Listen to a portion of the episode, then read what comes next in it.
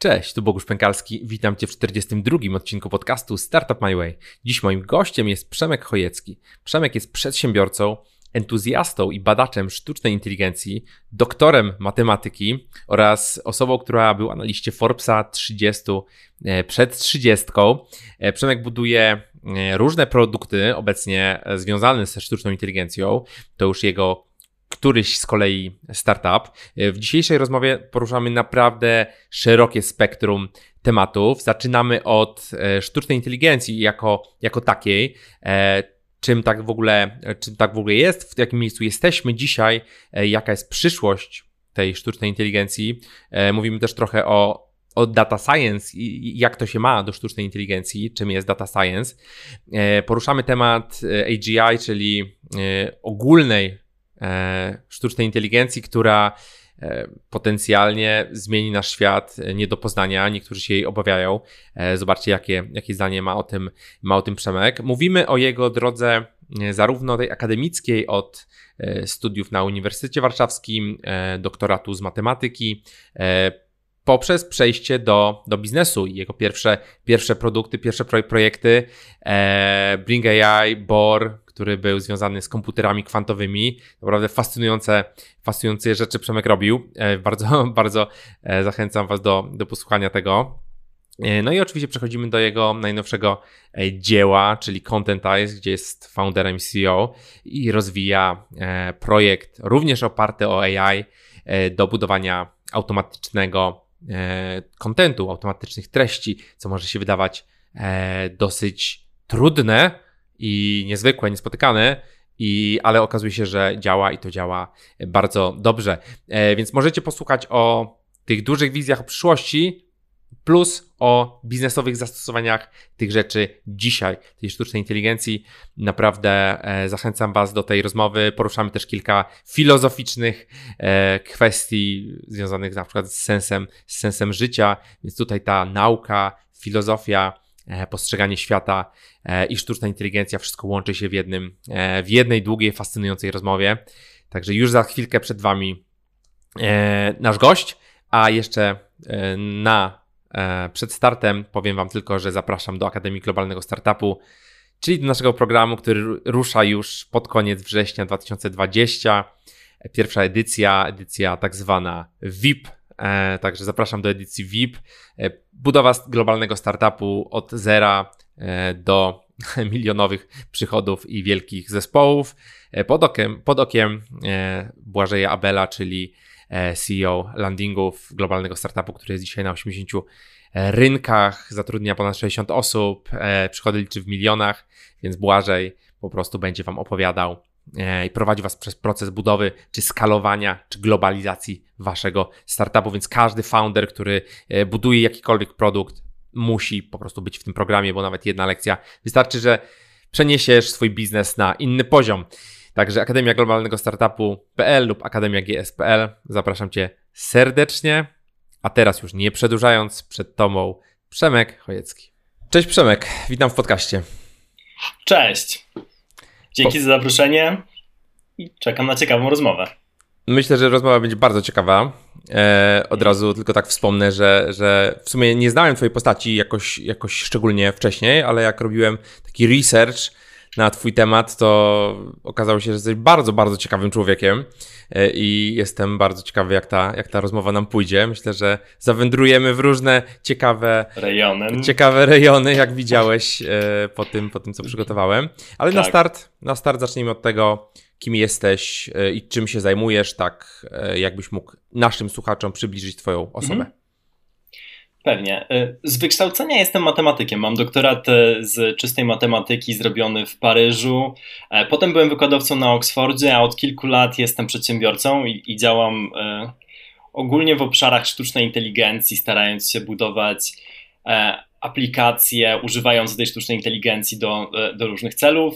E, w tym momencie jestem po dwóch nieudanych startupach od, od roku właściwie buduję trzeci startup, który wygląda na to, że idzie najlepiej i który jest e, w miarę klasycznym SaaSem. E, stąd, stąd chętnie o tych SaaSach także porozmawiam z Tobą. To tak, po, to tak bardzo pokrótce.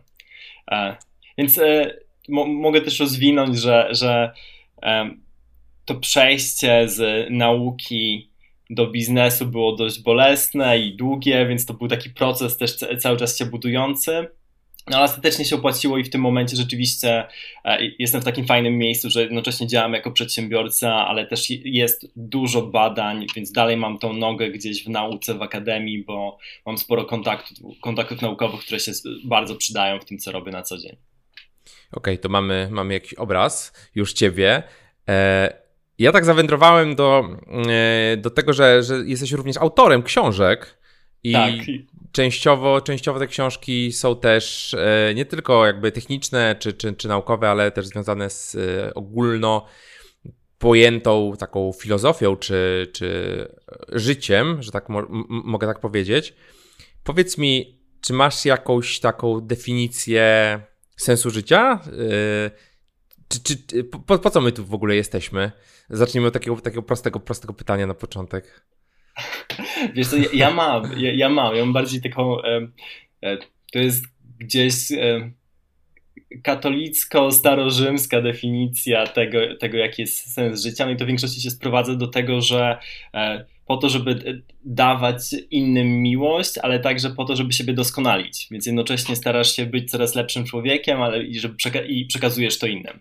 Więc to, e, to gdzieś mnie motywuje do tego, żeby rzeczywiście uczyć się nowych rzeczy, starać się budować na nowo rzeczy, mimo że jakieś upadają, coś nie wychodzi, co jest naturalne i w życiu przedsiębiorcy i było wcześniej e, naturalne w życiu naukowca, bo e, jak starasz się odkrywać nowe rzeczy, no to jest naturalne, że ci się nie uda ileś razy i dopiero za którymś razem ci wyjdzie. Więc u, u mnie to jest taka bardzo żyjąca żyjąca filozofia. Rzeczywiście te książki napisałem, to jeszcze będąc na Oksfordzie i trochę po, e, głównie po to, żeby samemu sobie przepracować niektóre z tych, niektóre z tych rzeczy i, i ułożyć całą filozofię. I było to bardzo pożyteczne, pożyteczne ćwiczenie ostatecznie. Okej, okay, czyli z jednej strony jakiś progres, tak, poczucie tego progresu, a z drugiej strony yy, dawanie innym. Dawanie innym to bardzo. Dzielenie się progresem, tak. Tak, tak, tak. To, to, to bardzo też jest, jest zbliżone do, do, mojej, do mojej jakiejś takiej, takiej filozofii. E, co z jednej strony jestem budowniczym, a z drugiej strony e, staram się jak najwięcej oddawać tego, co, mhm. co, co ja się nauczę. E, masz jakieś takie rzeczy, do których dążysz długoterminowo? Jakieś takie, wiesz, cele e, na, na, na, na dłuższy okres? Taka powiedzmy wizja? Ciebie? Tak, tak. Znaczy, taką najdłuższą wizją jest pewnie, chciałbym się przyczynić do stworzenia ogólnej sztucznej inteligencji, czyli maszyny, która byłaby inteligencją na poziomie porównywalnym do człowieka. No i to jest rzeczywiście taka wizja, y, która jest szalenie ciekawa, bo ona ma super dużo reperkusji związanych z tym, kim my jesteśmy jako ludzie, co, co jest ludzkie, co nie, co nie jest ludzkie, jak się zmieni rasa ludzka, jak się zmieni cywilizacja. E, więc to pewnie możesz przyrównać do tego, tego maskowego e, i, i lotu na Marsa, mhm. e, który Elon Musk postuluje. No bo też to była dość duża zmiana cywilizacyjna. Więc e, ja nawet nie mówię, że ja chciałbym sam to jakby stworzyć e, taką sztuczną inteligencję, ja chciałbym przyczynić się jakąś cegiełką do tego, żeby coś takiego powstało czy swoim startupem, czy, czy pracą badawczą, czy, czy byciem e, jednym z zespołów, który będzie pracował nad tym i to stworzy. Więc to jest taka najbardziej długotrwała, trwa, e, długofalowa wizja. E, krócej falowe jest pewnie więcej rzeczy związanych z samą, jak, jak do tego dojść i, i z samym budowaniem tej sztucznej inteligencji. Okej, okay, to od razu, od razu ci zadam pytanie, które e, chciałem zadać trochę, troszkę później. Czy, czy jakby się nie obawiasz tego, że, że to będzie jakby koniec, to dojście do tego Artificial General Intelligence, e, że, że, że to będzie kres po prostu ludzkości, jaką znamy, albo w ogóle ludzkości? Wiesz co, pewnie tak, a czy będzie kresem na pewno to, jaką ludzkość znamy, czy to będzie kres zupełny ludzkości, tego, tego nie wiadomo. Ja jednak jestem dość optymistycznie nastawiony do tego, że żeby mieć, żeby, żeby dokonać dalej progresu i rzeczywiście wyjść na przykład poza Ziemię i rzeczywiście polecieć na tego Marsa czy jeszcze dalej, e, potrzebujemy jakiegoś wspomagania naszej inteligencji i e, ja na sztuczną inteligencję bardziej patrzę jak na, e, na coś, z czym możemy wejść w symbiozę po to, żeby szybciej samemu dokonywać tych obliczeń. W sensie, że nasze mózgi to jest coś za mało i super by było, gdyby na przykład taki smartfon, laptop był już w nas gdzieś. Więc e, pa, pa, patrzę na sztuczną inteligencję jako coś, co może się wydarzyć i co pomoże, pomoże człowiekowi wejść na wyższy, na, na wyższy poziom. Czyli jednym słowem musimy się jakoś zmerdżować z maszynami, tak? Neuralink. Tak. Neuralink dlatego jest tutaj super przykładem. To jest zresztą dlatego, dlatego Musk nad, nad, nad tym zaczął pracować z, z uwagi na ten egzystencjalny strach przed tym, że rzeczywiście jak nie będziemy w stanie się połączyć ze sztuczną inteligencją, a ona gdzieś się wymknie spod kontroli, no to rzeczywiście to może doprowadzić do zagłady ludzkości. Więc tak, optymistyczny początek rozmowy. E, zaczyna się, zaczyna się dobrze, już wiesz, pierwsze 5 minut. E, tak. myślę, że mogło, mogło albo zaciekawić, mm. albo, albo zupełnie zniechęcić naszego słuchacza. E, ale myślę, że, że jednak to będzie jak, jakieś, jakoś mm, na pewno dla. Polaryzujące. Dla. Tak, tak, tak.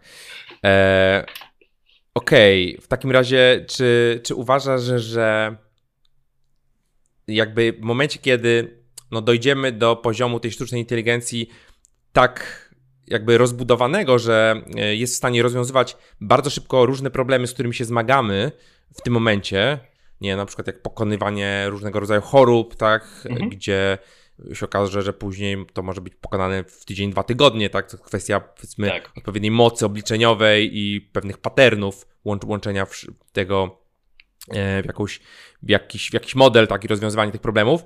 E, czy uważasz w takim razie, że dążenie do tej sztucznej inteligencji, która będzie za, za nas rozwiązywała problemy, to jest w tym momencie najważniejsze, co ludzkość powinna, e, do, do czego ludzkość powinna dążyć?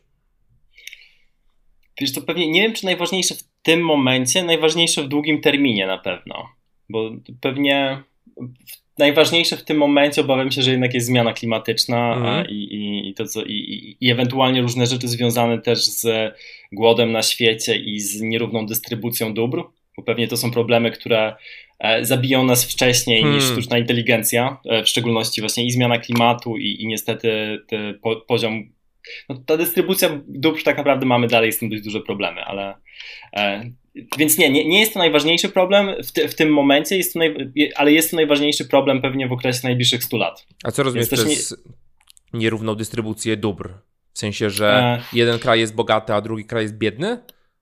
Tak, ale wiesz co, nawet w obrębie jednego kraju, w sensie nawet jak popatrzysz na Stany Zjednoczone, które, które wyda wydawałoby się, że są e, krainą mleka i miodem płynącą, to widzisz, że z jednej strony masz ludzi jak Jeff Bezos z majątkiem e, przepotężnym i z niesamowitą siłą e, lobby, lobby, lobbyingową, a z drugiej strony pracownicy Amazona, którym trzeba czasami wydawać kartki żywieniowe, bo z ich pensji jakby nie wystarcza im na to, żeby opłacić rachunki dla nich i dla ich rodziny.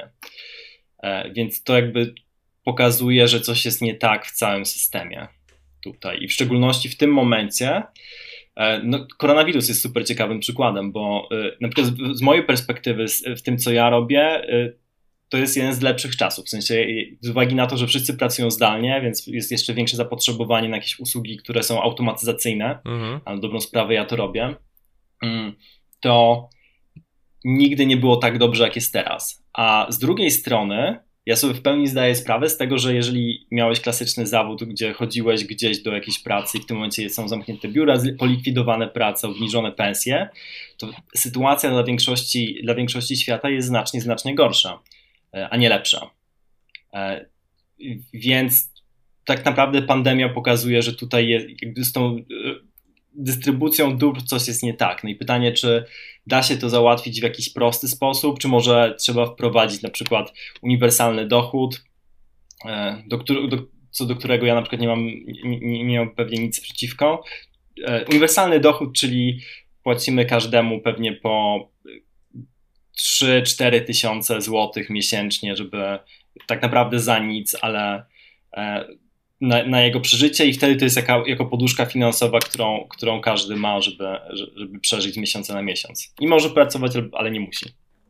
Kolejne takie mocno polaryzacyjne tak. podejście. Eee, no właśnie, no ale skąd te pieniądze, tak. skąd te pieniądze wziąć, tak? No bo w tym naszym kapitalistycznym świecie no skądś te pieniądze muszą, muszą, muszą po, to, pra, powstać, to prawda. No, się muszą wziąć. Tak, tak. E, to, nie, oczywiście to jest słuszne pytanie. Ja, ja tutaj nie, nie jestem ekonomistą, żeby dokładnie mm, prześledzić cały proces budowania wartości, mhm. ale takim klasycznym postulatem tutaj jest e, opodatkować pracę maszyn. No bo to nie jest tak, że znika ta praca, tylko ta praca jest często zastępowana i wartość sama jest zastępowana prze, przez maszyny, więc jeżeli masz um, um, marżę rzędu na przykład 90%, bo twoją pracę właśnie wykonują, wykonują maszyny, no to pewnie jest jakieś pole do tego, żeby opodatkować tutaj te obszary. Czyli co? Czym dalej? Sasy nasze będą teraz opodatkowane. No właśnie, jakby z jednej strony, wiesz, bo to jest z jednej strony to, a z drugiej, tu jest jakiś problem, zauważam, a z drugiej strony ja sam jestem e, przeciwnikiem te, tego, co się dzieje, w, jeżeli chodzi o podatkowanie i jak, przykład jak wygląda system prawny w Polsce i w ogóle jest e, i, i sam patrząc na to w tym momencie, jakby e, nie chciałbym budować globalnego biznesu z Polski. Jakby to nie jest, uważam, że to jest dość trudne, jeżeli nie niemożliwe, że jakby te struktury prawne E, w Wielkiej Brytanii czy Estonia, Stany są znacznie lepsze i znacznie bardziej przygotowane na to, żeby to robić. Okej, okay, okej. Okay. Znaczy Więc... myślę, że e, można budować globalny biznes z Polski. E... Nie, oczywiście są przykłady na to, tylko że pewnie to, że to jest trudniejsze i pewnie bardziej niepewne niż robienie tego gdzieś za granicę. Tak, tak. E, aczkolwiek no, wydaje mi się, że ta, ta sytuacja jakby podatkowa nie jest aż taka, taka zła. No te podatki jednak na zachodzie są większe niż w Polsce de facto.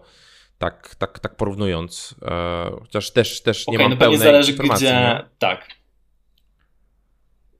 Dobrze, nie jesteśmy za... ekonomistami, tak, to nie to będziemy... Nie, tak, tak. Za... Mm. Nie, e. będziemy, nie będziemy drążyć tego tematu. Ktoś się teraz za głowę, za głowę pewnie łapie. Ktoś bardziej zorientowany. E, tak, zmieniając temat, powiedz, jak dzisiaj wygląda Twój dzień? Czy, czy, masz jakieś stałe, stałe swoje, nie wiem, nawyki, rytuały? Czy każdy dzień jest zupełnie inny? Czy masz jakieś sekcje, nad którymi, nie wiem, pracujesz, czy nad biznesem, czy nad, czy, czy uczysz się? Jak, jak wygląda taki, taki twój, twój dzień? Wiesz co, w tym momencie zaczęło być dość, e, dość rutynowo od jakiegoś czasu, szczególnie, że pandemia właściwie e, powoduje, że spotkania na mieście się praktycznie skończyły, więc to jest tak, że e, od rana w tym, w tym przypadku to jest mniej więcej od 9 do 18, 19 jestem pomiędzy mailami, kolami, a e, myśleniem o, o, o rozwoju platformy i różnymi algorytmami. Mm. Sam już programuję coraz mniej, bo też mam, mam coraz większy zespół programistów, chociaż dalej staram się staram się przynajmniej każdego dnia coś małego napisać z kodem, żeby, żeby tego nie zapomnieć i, i też, żeby da, dalej się szkolić. Ale większość dnia spędzam jednak pewnie w tym momencie w szczególności na, na mailach i, i kolach i organizacji pracy e, i jakby budowaniu struktury. Dla mnie to co, to, co głównie ja robię, to jest budowanie struktury i pod kątem e, firmy, czyli pod kątem biznesowym, i pod kątem programistycznym, czyli struktury algorytmicznej, struktury infrastruktury, więc tu, tu jest sporo takiej pracy. Okej, okay, czyli jesteś takim połączeniem CEO z CTO, jednym słowem. W tym zdecydowanie, tak. E, Okej, okay, do tego jeszcze, jeszcze, jeszcze dojdziemy do, tych, mm, do tego całego e, twojego bi obecnego biznesu. E, ale jeszcze, jeszcze zahaczmy trochę o, o tą sztuczną mm. inteligencję, o to nasze AI. Jak na dzień dzisiejszy widzisz stan tej sztucznej inteligencji na świecie? W, który, w którym miejscu, miejscu jesteśmy, bo mówiliśmy o tym, że gdzieś tam dążymy do tej e, jakby ogólnej sztucznej inteligencji, która tak. będzie po prostu działała troszeczkę tak bardziej autonomicznie. Teraz jesteśmy na poziomie tych e, wąskich specjalizacji w konkretnych zadaniach. Jak to z Twojej perspektywy na dzień dzisiejszy wygląda? E, wiesz co, wygląda to ciekawie, bo z jednej strony te wąskie specjalizacje się rozwijają dość dynamicznie, ale dalej nie widać jak je połączyć za bardzo. Są, są pomysły, ale to jest dość daleko, więc ta ogólna sztuczna inteligencja jeszcze przynajmniej kilka, kilkanaście lat poczeka, jeżeli, jeżeli w ogóle to się uda. E, natomiast jeżeli chodzi o, o te wąskie specjalizacje, to dużo się rzeczywiście dzieje. Mm, w szczególności jeżeli chodzi o e, ostatnio tekst i, i generowanie tekstu. OpenAI wypuściło, to było już dwa miesiące temu, e, GPT-3, to jest taki, taki na, największy model ostatnio i rzeczywiście tutaj dość dużo szumu to wzbudziło, bo, bo ten model jest na tyle duży, że nauczył się nie tylko angielskiego, francuskiego, niemieckiego, włoskiego i innych języków, ale nauczył się też języków programowania z uwagi na to, ile widział, ile widział danych.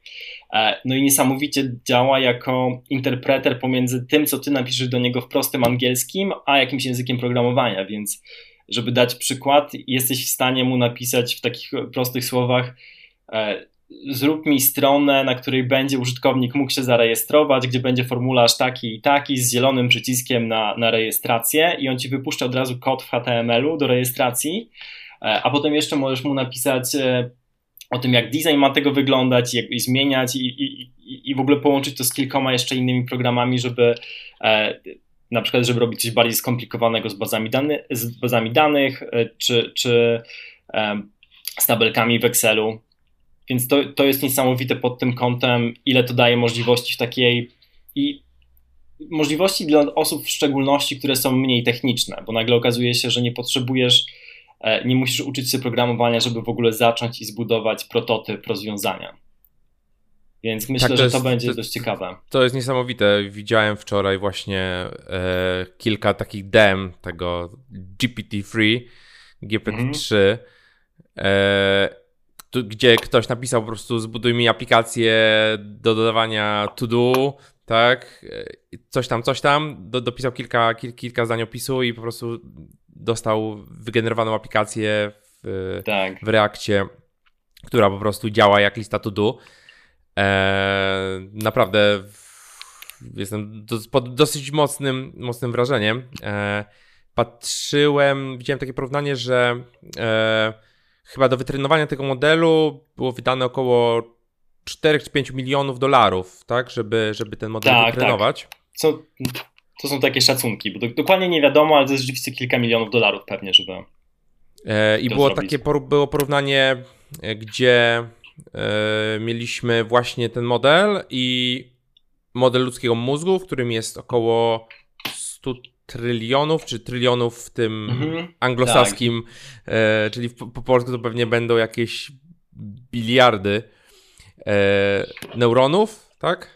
E, I porównanie, jaki by był koszt stworzenia takiego modelu przy takiej mocy obliczeniowej jak, jak nasz mózg. To wychodziło właśnie też, też jakieś kilka miliardów dolarów, ale e, biorąc pod uwagę szybkość, z jakim tak ten koszt się obniża, no to powiedzmy w 2030 czy w 2034 chyba było szacowane, że ten koszt będzie taki jak koszt wytrenowania tego, tego modelu, modelu mhm. obecnego, tak? GPT-3.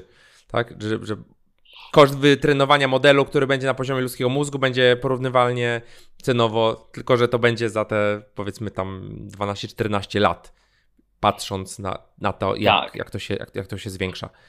Przy czym to jest ciekawe, właśnie super, że to, że to mówisz, ale jakby dla mnie jest super ciekawe, jakby tego, tego nikt nie wie jeszcze, czy to, że masz model tak duży jak, jak mózg, czy to znaczy, że to będzie tak inteligentny jak człowiek, czy nie? I tego nie wiemy, dlatego że a priori machine learning, czy jakby te, te algorytmy, które tam się uczą w tle, są w pełni statystyczne. I na dobrą sprawę zadanie, które daje, dajesz tym modelom jest takie, żeby uzupełniał luki i uczył się na, na przykładach, ale tam nie ma wbudowanej logiki. W sensie nie uczysz tego algorytmu, na przykład to, jak on, on jakby nie potrafi dodawać, nie potrafi robić mhm. prostych rzeczy arytmetycznych. No i pytanie, czy jeżeli będzie właśnie jeszcze tysiąc, sto tysięcy razy większy, to czy nagle się nauczy, czy nagle w tych, jak zobaczy te, te miliony, miliardy przykładów, to czy nagle to spowoduje, że będzie w stanie też dodawać, robić obliczenia. I tego nie wiadomo. Tego nie wiadomo i nie wiadomo, czy to jest dobra metoda większość krytyków jednak mówi, że nie, że jakby to nie wystarczy i, i że nie wystarczy tylko rzucić więcej sprzętu na te algorytmy, które mamy, tylko trzeba coś dorzucić więcej, żeby, żeby to zrobić, ale zdecydowanie jest to pewnie najbliżej jakiegoś kierunku w stronę ogólnej sztucznej inteligencji.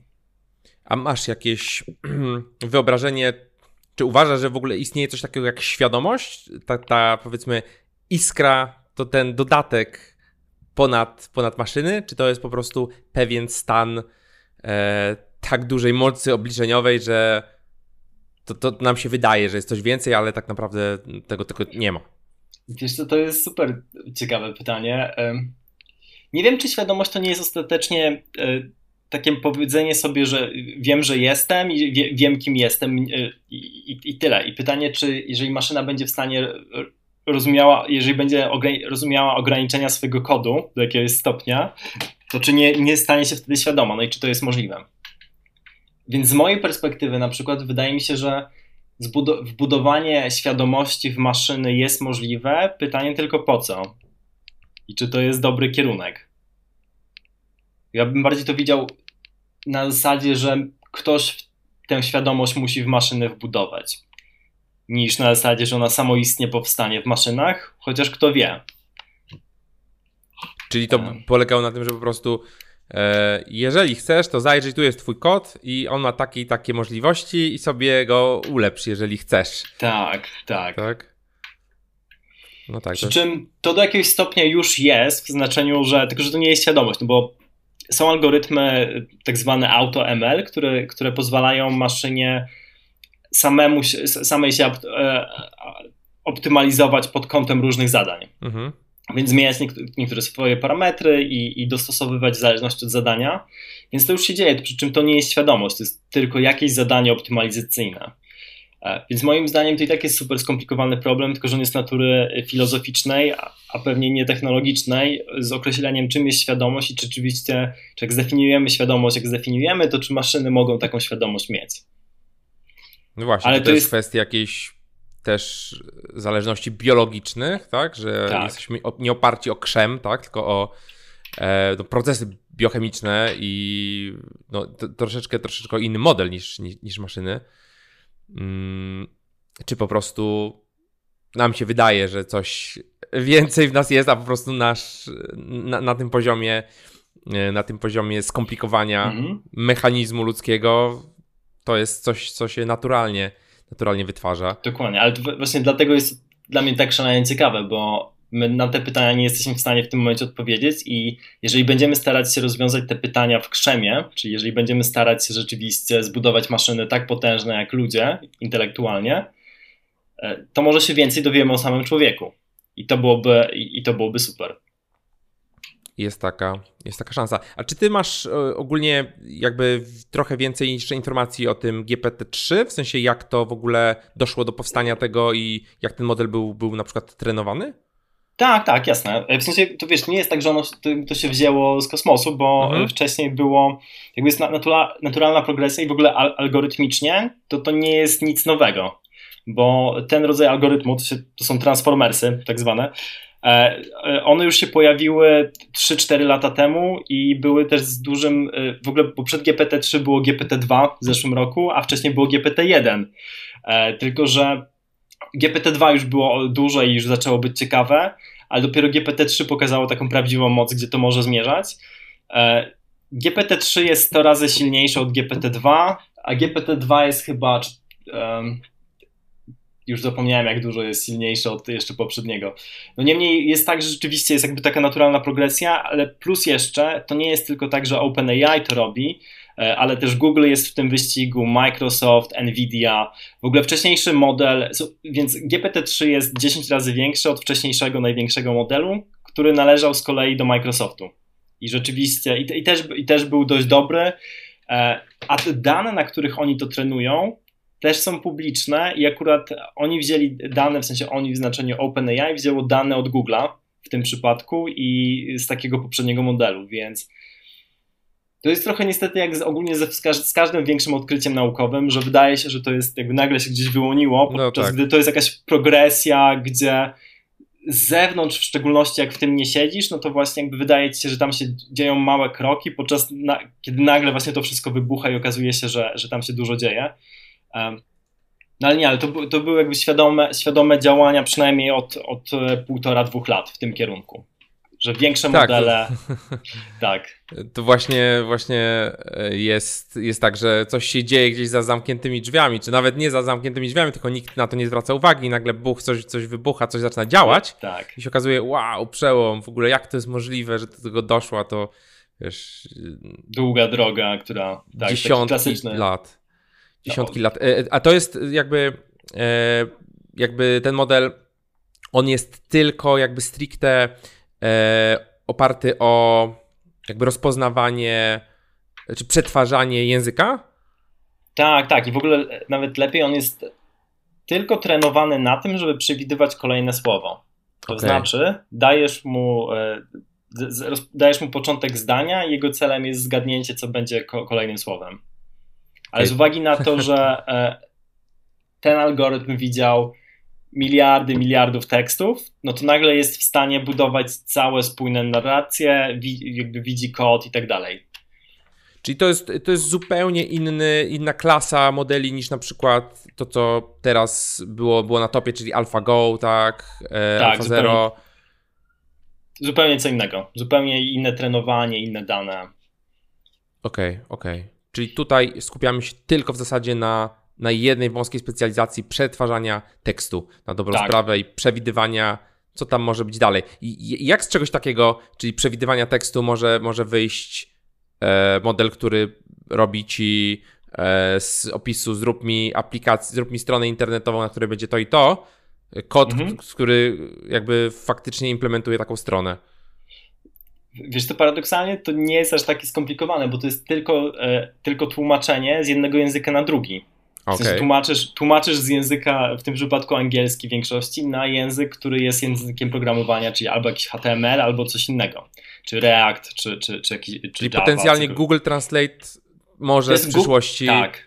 Nie, zdecydowanie będzie nawet. Znaczy to jest Google, ogólnie to jest Google Translate na sterydach, jeżeli mamy tak zupełnie to zubo, zubożyć. Tak. E, to jest pokazanie, co, co Google Translate mógłby robić, gdyby miał jeszcze więcej mocy obliczeniowej.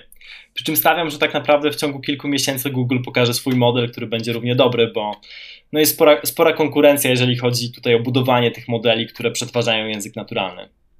Za OpenAI stoi e, Elon Musk, którego wszyscy, wszyscy dobrze znają i yy, Sam... Sam Altman. Sam Altman z Y tak, Combinatora.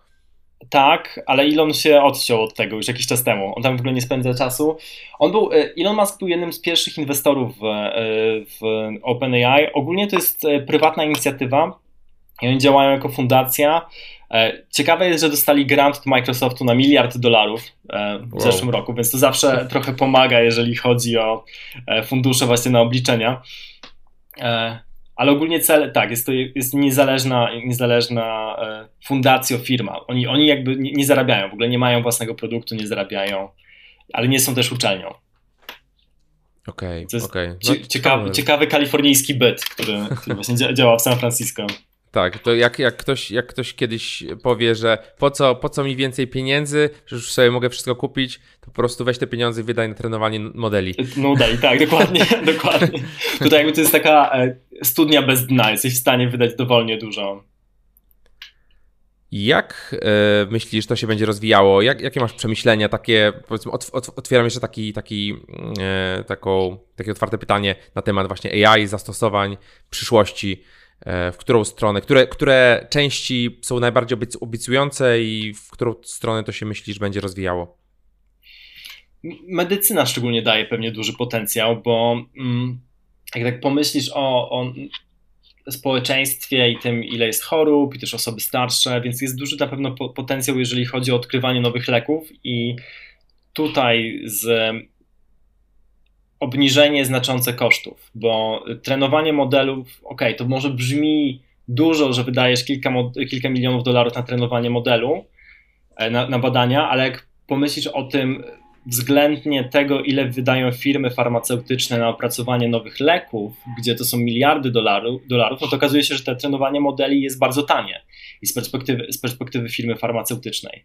Więc e, no, niesamowicie duży potencjał jest w medycynie ale to jeszcze to jest super trudne, no bo z jednej strony masz po pierwsze trudne, skomplikowane problemy algorytmiczne, a z drugiej strony regulacje i określenie tego, czy coś może być dopuszczone, jeżeli jest to wygenerowane przez sztuczną inteligencję, co, kto tak naprawdę weźmie odpowiedzialność za to. To jest podobny też problem do, do, innego, do, innego, do innej dziedziny, e, czyli pojazdy autonomiczne. Dla mnie też szalenie fascynujące.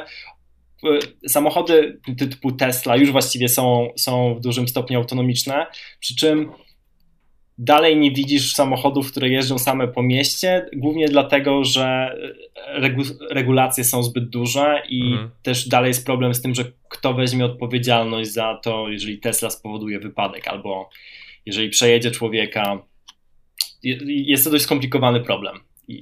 Tak, tak, tak. Znany, znany problem. Znany. I to jest problem, który nie jest technologiczny. On, on, on wykracza, jest bardziej etyczno-filozoficzno-prawny niż, niż technologiczny.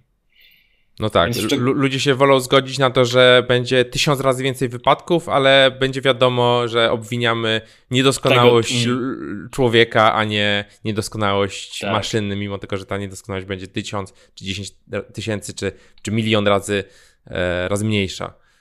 Tak.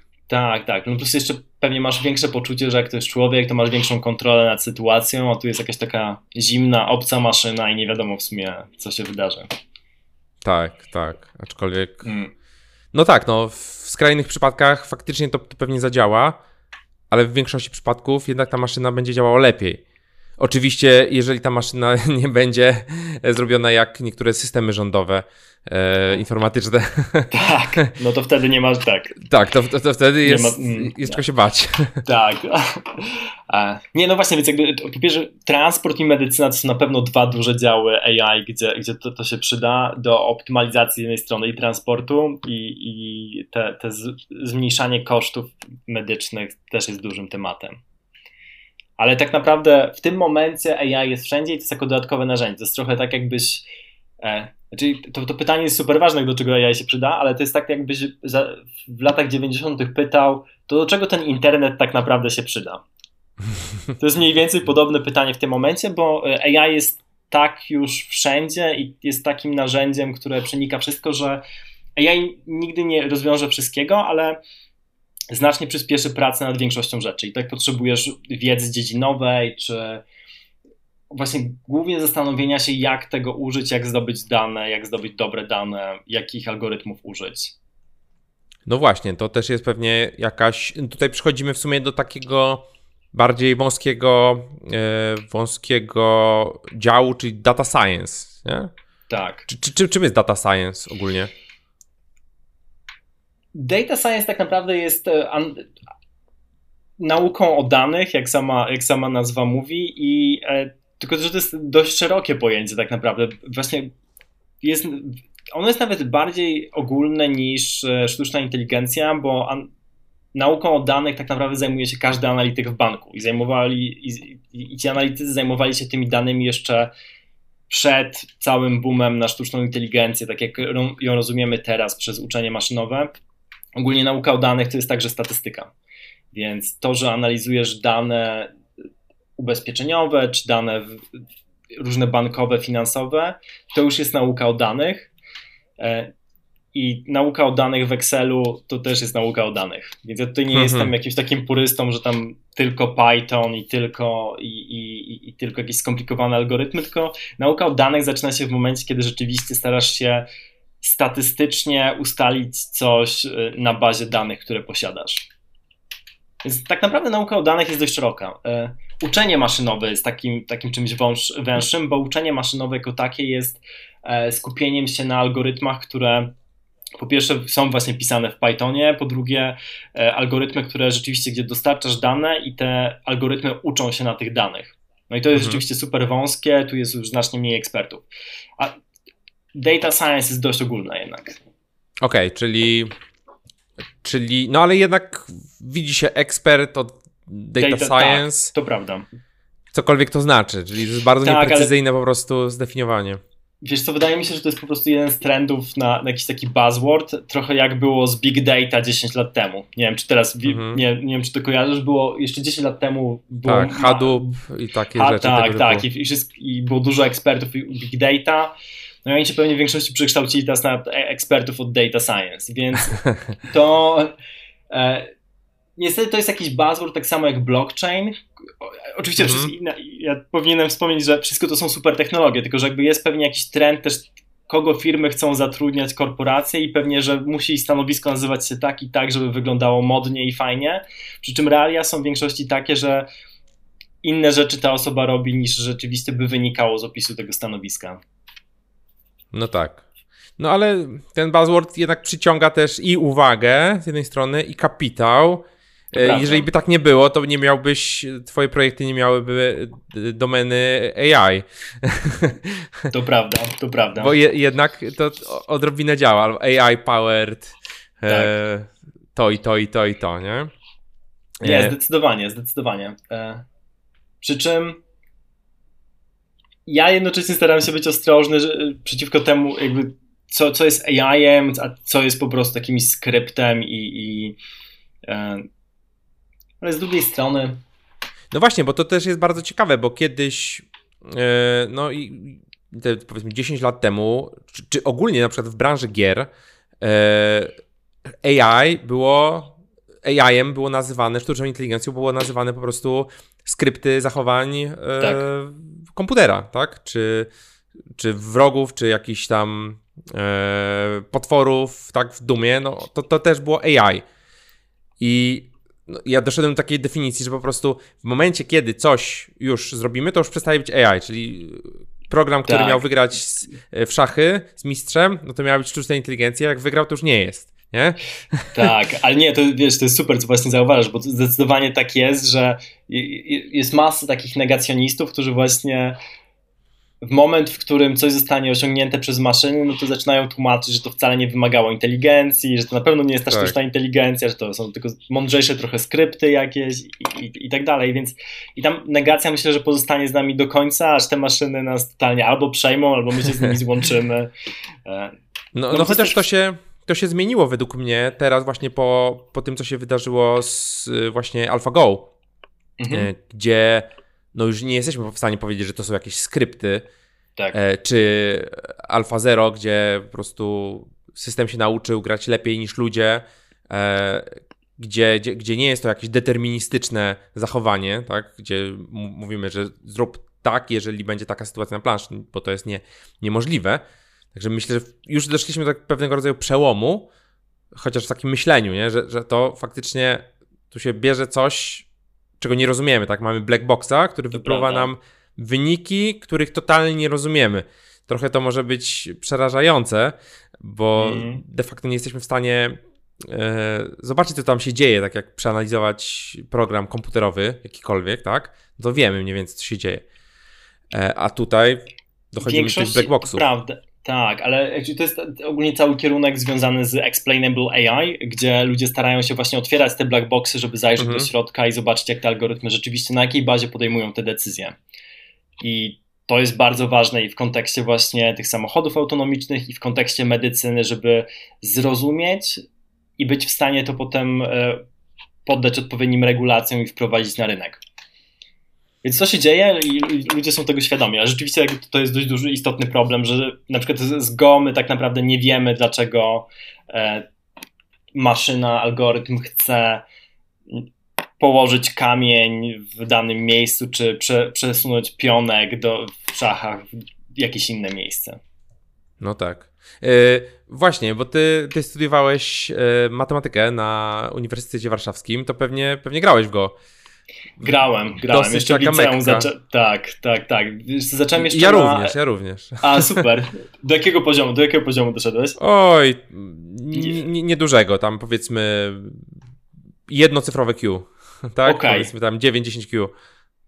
Znaczy ja nie, nie, niewiele dalej, w sensie ja chyba rekordowo to miałem mm, między pewnie 2Q a 1 dan gdzieś, no ale to, to rzeczywiście... Kawałek tak, ale to rzeczywiście grałem po wiele, wiele godzin dziennie i online jakoś, ale to było liceum, kiedy miałem masę czasu i mogłem sobie pozwolić na to. Teraz mi pewnie spadło i jest e, powinno być ok, ale jest gdzieś dalej. E, tak, nie, ale grałem dużo, więc ja też e, naprawdę z fascynacją śledziłem te rezultaty DeepMindu, jeżeli chodzi o, o Go i AlphaGo.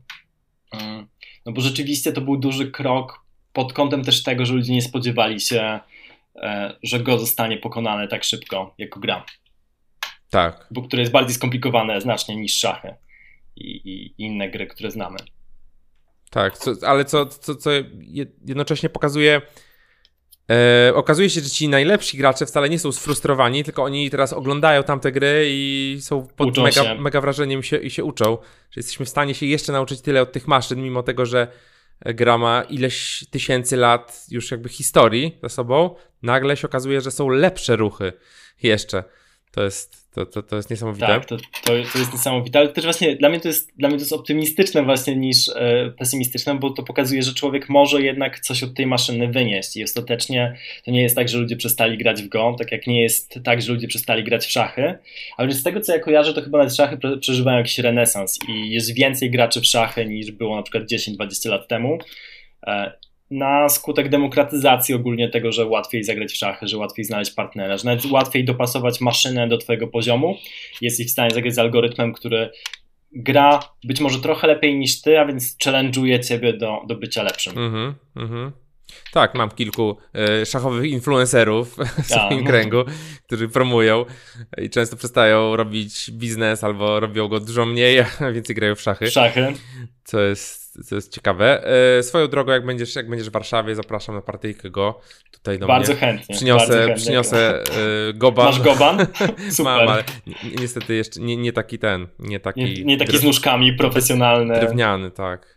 E, to jest w ogóle ciekawa historia, bo właśnie ja się tym zaraziłem w sumie od mojego, chociaż zaraziłem się, może to złe słowo w dzisiejszych czasach, E, złapałem e, powiedzmy bakcyla na nagranie e, gdzieś tam właśnie też w okolicach gimnazjum, liceum od mojego sąsiada z, z działki, mhm. który, który był właśnie mistrzem tam kilkudanowym, jeździł, jeździł poza tym, że, że, był, że był w branży IT, tam bardzo wysoko postawioną osobą, to właśnie też w, w okresie studiów jeździł gdzieś tam do Chin na turnieje i popularyzował to i po prostu kupił mi tą, to, to, ten zestaw super. i dał, wydrukował mi wielką taką książkę, jak mam, jak mam grać, się, się tego uczyłem. Okej, okay, dobra, ale wracając do naszego, naszego tematu, y, powiedz mi, skąd w ogóle pomysł na studiowanie informatyki i jak się studiuje, przepraszam, matematyki. Matematyki. I jak, jak się studiuje matematykę? Wiesz co, e, jasne. E, dla mnie to było jako intelektualne wyzwanie. E,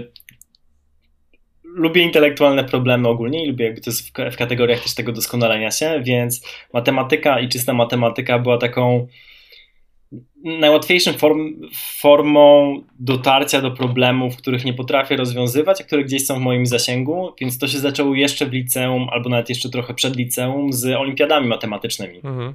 Mnie to były jakieś takie studia matematyczne, były naturalną kontynuacją tego, że na tej olimpiadzie matematycznej szło mi całkiem nieźle. E, w trzeciej klasie liceum chyba byłem w ogóle szósty w Polsce, egzekwo jeszcze z jedną osobą, więc to, to było nieźle i potem naturalnie było, że poszedłem do, na e, Uniwersytet Warszawski na matematykę. A chodziłeś na to, na to kółko, kółko olimpijskie na, na UW? Było takie e, kółko. Było, wiesz co, ono było potem też w Staszicu, bo ja chodziłem do Staszica okay. E, więc my mieliśmy to akurat z. W ogóle w Staszicy jest tak, że w klasach matematyczno-eksperymentalnych masz zajęcia z nauczycielami z Uniwersytetu Warszawskiego. Hmm. I w ogóle sama matematyka jest podzielona na trzy lekcje: analiza geometria, rachunek prawdopodobieństwa i każdy z innym nauczycielem. Więc w ogóle jest du duże, du duża waga postawiona na samą matematykę. No tak. No Więc tak. to już się zaczęło, zaczęło wcześniej i potem była taka naturalna kontynuacja. E, no mnie to na tyle fascynowało, że ja tak naprawdę nie, chciał, wiedziałem wtedy, przynajmniej wiedziałem, że chcę zajmować się tylko matematyką i nic innego mnie nie interesuje. Do tego stopnia, że e, nie interesowało mnie, czy będę miał pieniądze, będę miał za co żyć. E, interesowało mnie tylko, czy jestem w stanie jakkolwiek zbudować karierę wokół matematyki. Więc naturalną, Jasne. w ogóle ja nawet nie miałem żadnych wątpliwości, że zostaję na uczelni, że doktorat, że potem e, jakaś praca na uczelni, właśnie wy, wyszedł Oxford e, i, i, potem jeszcze byłem w Polskiej Akademii Nauk. E, więc tak do 30 roku życia e, tylko, tylko nauka i koło 30 miałem taki e, przebłysk, że to jest super, ale teraz chciałbym część tej, część tej wiedzy czy tych intelektualnych zagadek, które rozwiązywałem, przenieść na prawdziwe życie i zacząć rozwiązywać problemy, które rzeczywiście mogą wpłynąć bardziej na świat, bo e, matematyka jest dalej niesamowita, tylko że jeżeli chcesz ją stosować, no to pewnie musisz się wiązać z tym, że ona zostanie zastosowana za 50-60 lat, bo ten cykl jest taki, że tam z matematyki do fizyki, z fizyki do inżynierów i inżynierowie być może stworzą konkretny produkt. E, a ja chciałbym jednak zobaczyć za mojego życia owoce mojej pracy, e, więc jedy, jedyną drogą do tego było przejście z matematyki do machine learningu, sztucznej inteligencji, to akurat nie było, to nie było tak daleko i tam naturalnie problemy nie prowadziły, no i też z akademii do biznesu, no bo ja, ja ostatecznie jestem dość praktyczny i lubię e, konkretne rzeczy, mieć konkretne rezultaty. Akademia wiąże się też z tym, że tymi konkretnymi rezultatami są jedynie prace naukowe w większości, przynajmniej w czystej matematyce. E, I też nie jesteś w stanie ich napisać zbyt dużo. Więc to nie, nie, nie jest zbyt duże przełożenie tej pary intelektualnej, którą wkładasz w, w te zadania w stosunku do efektów.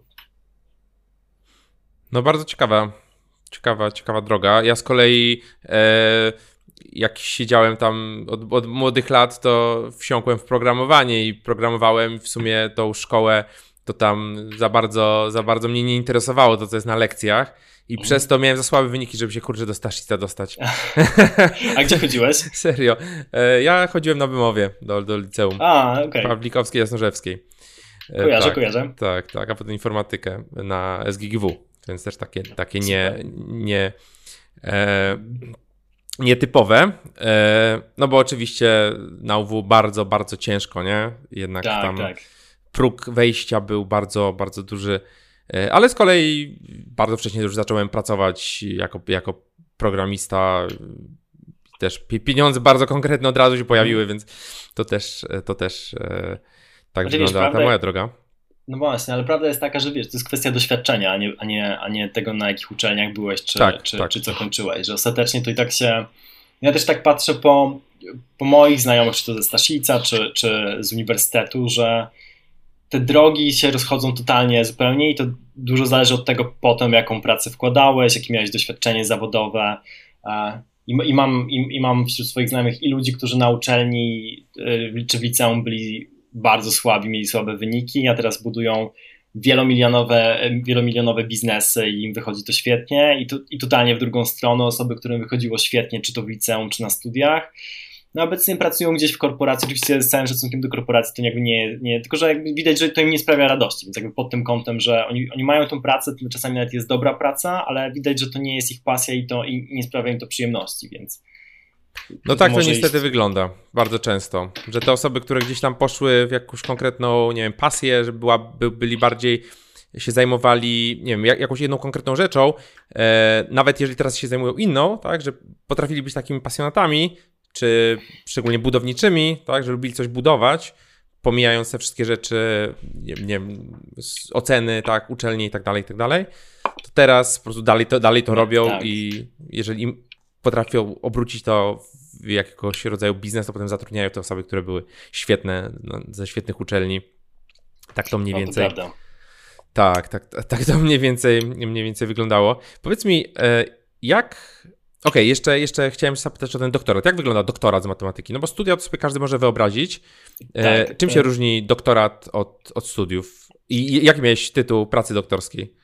Um, program Langlansa dla GL2 Coupe i rozmaitości rozmaitości Eichlera Shimury.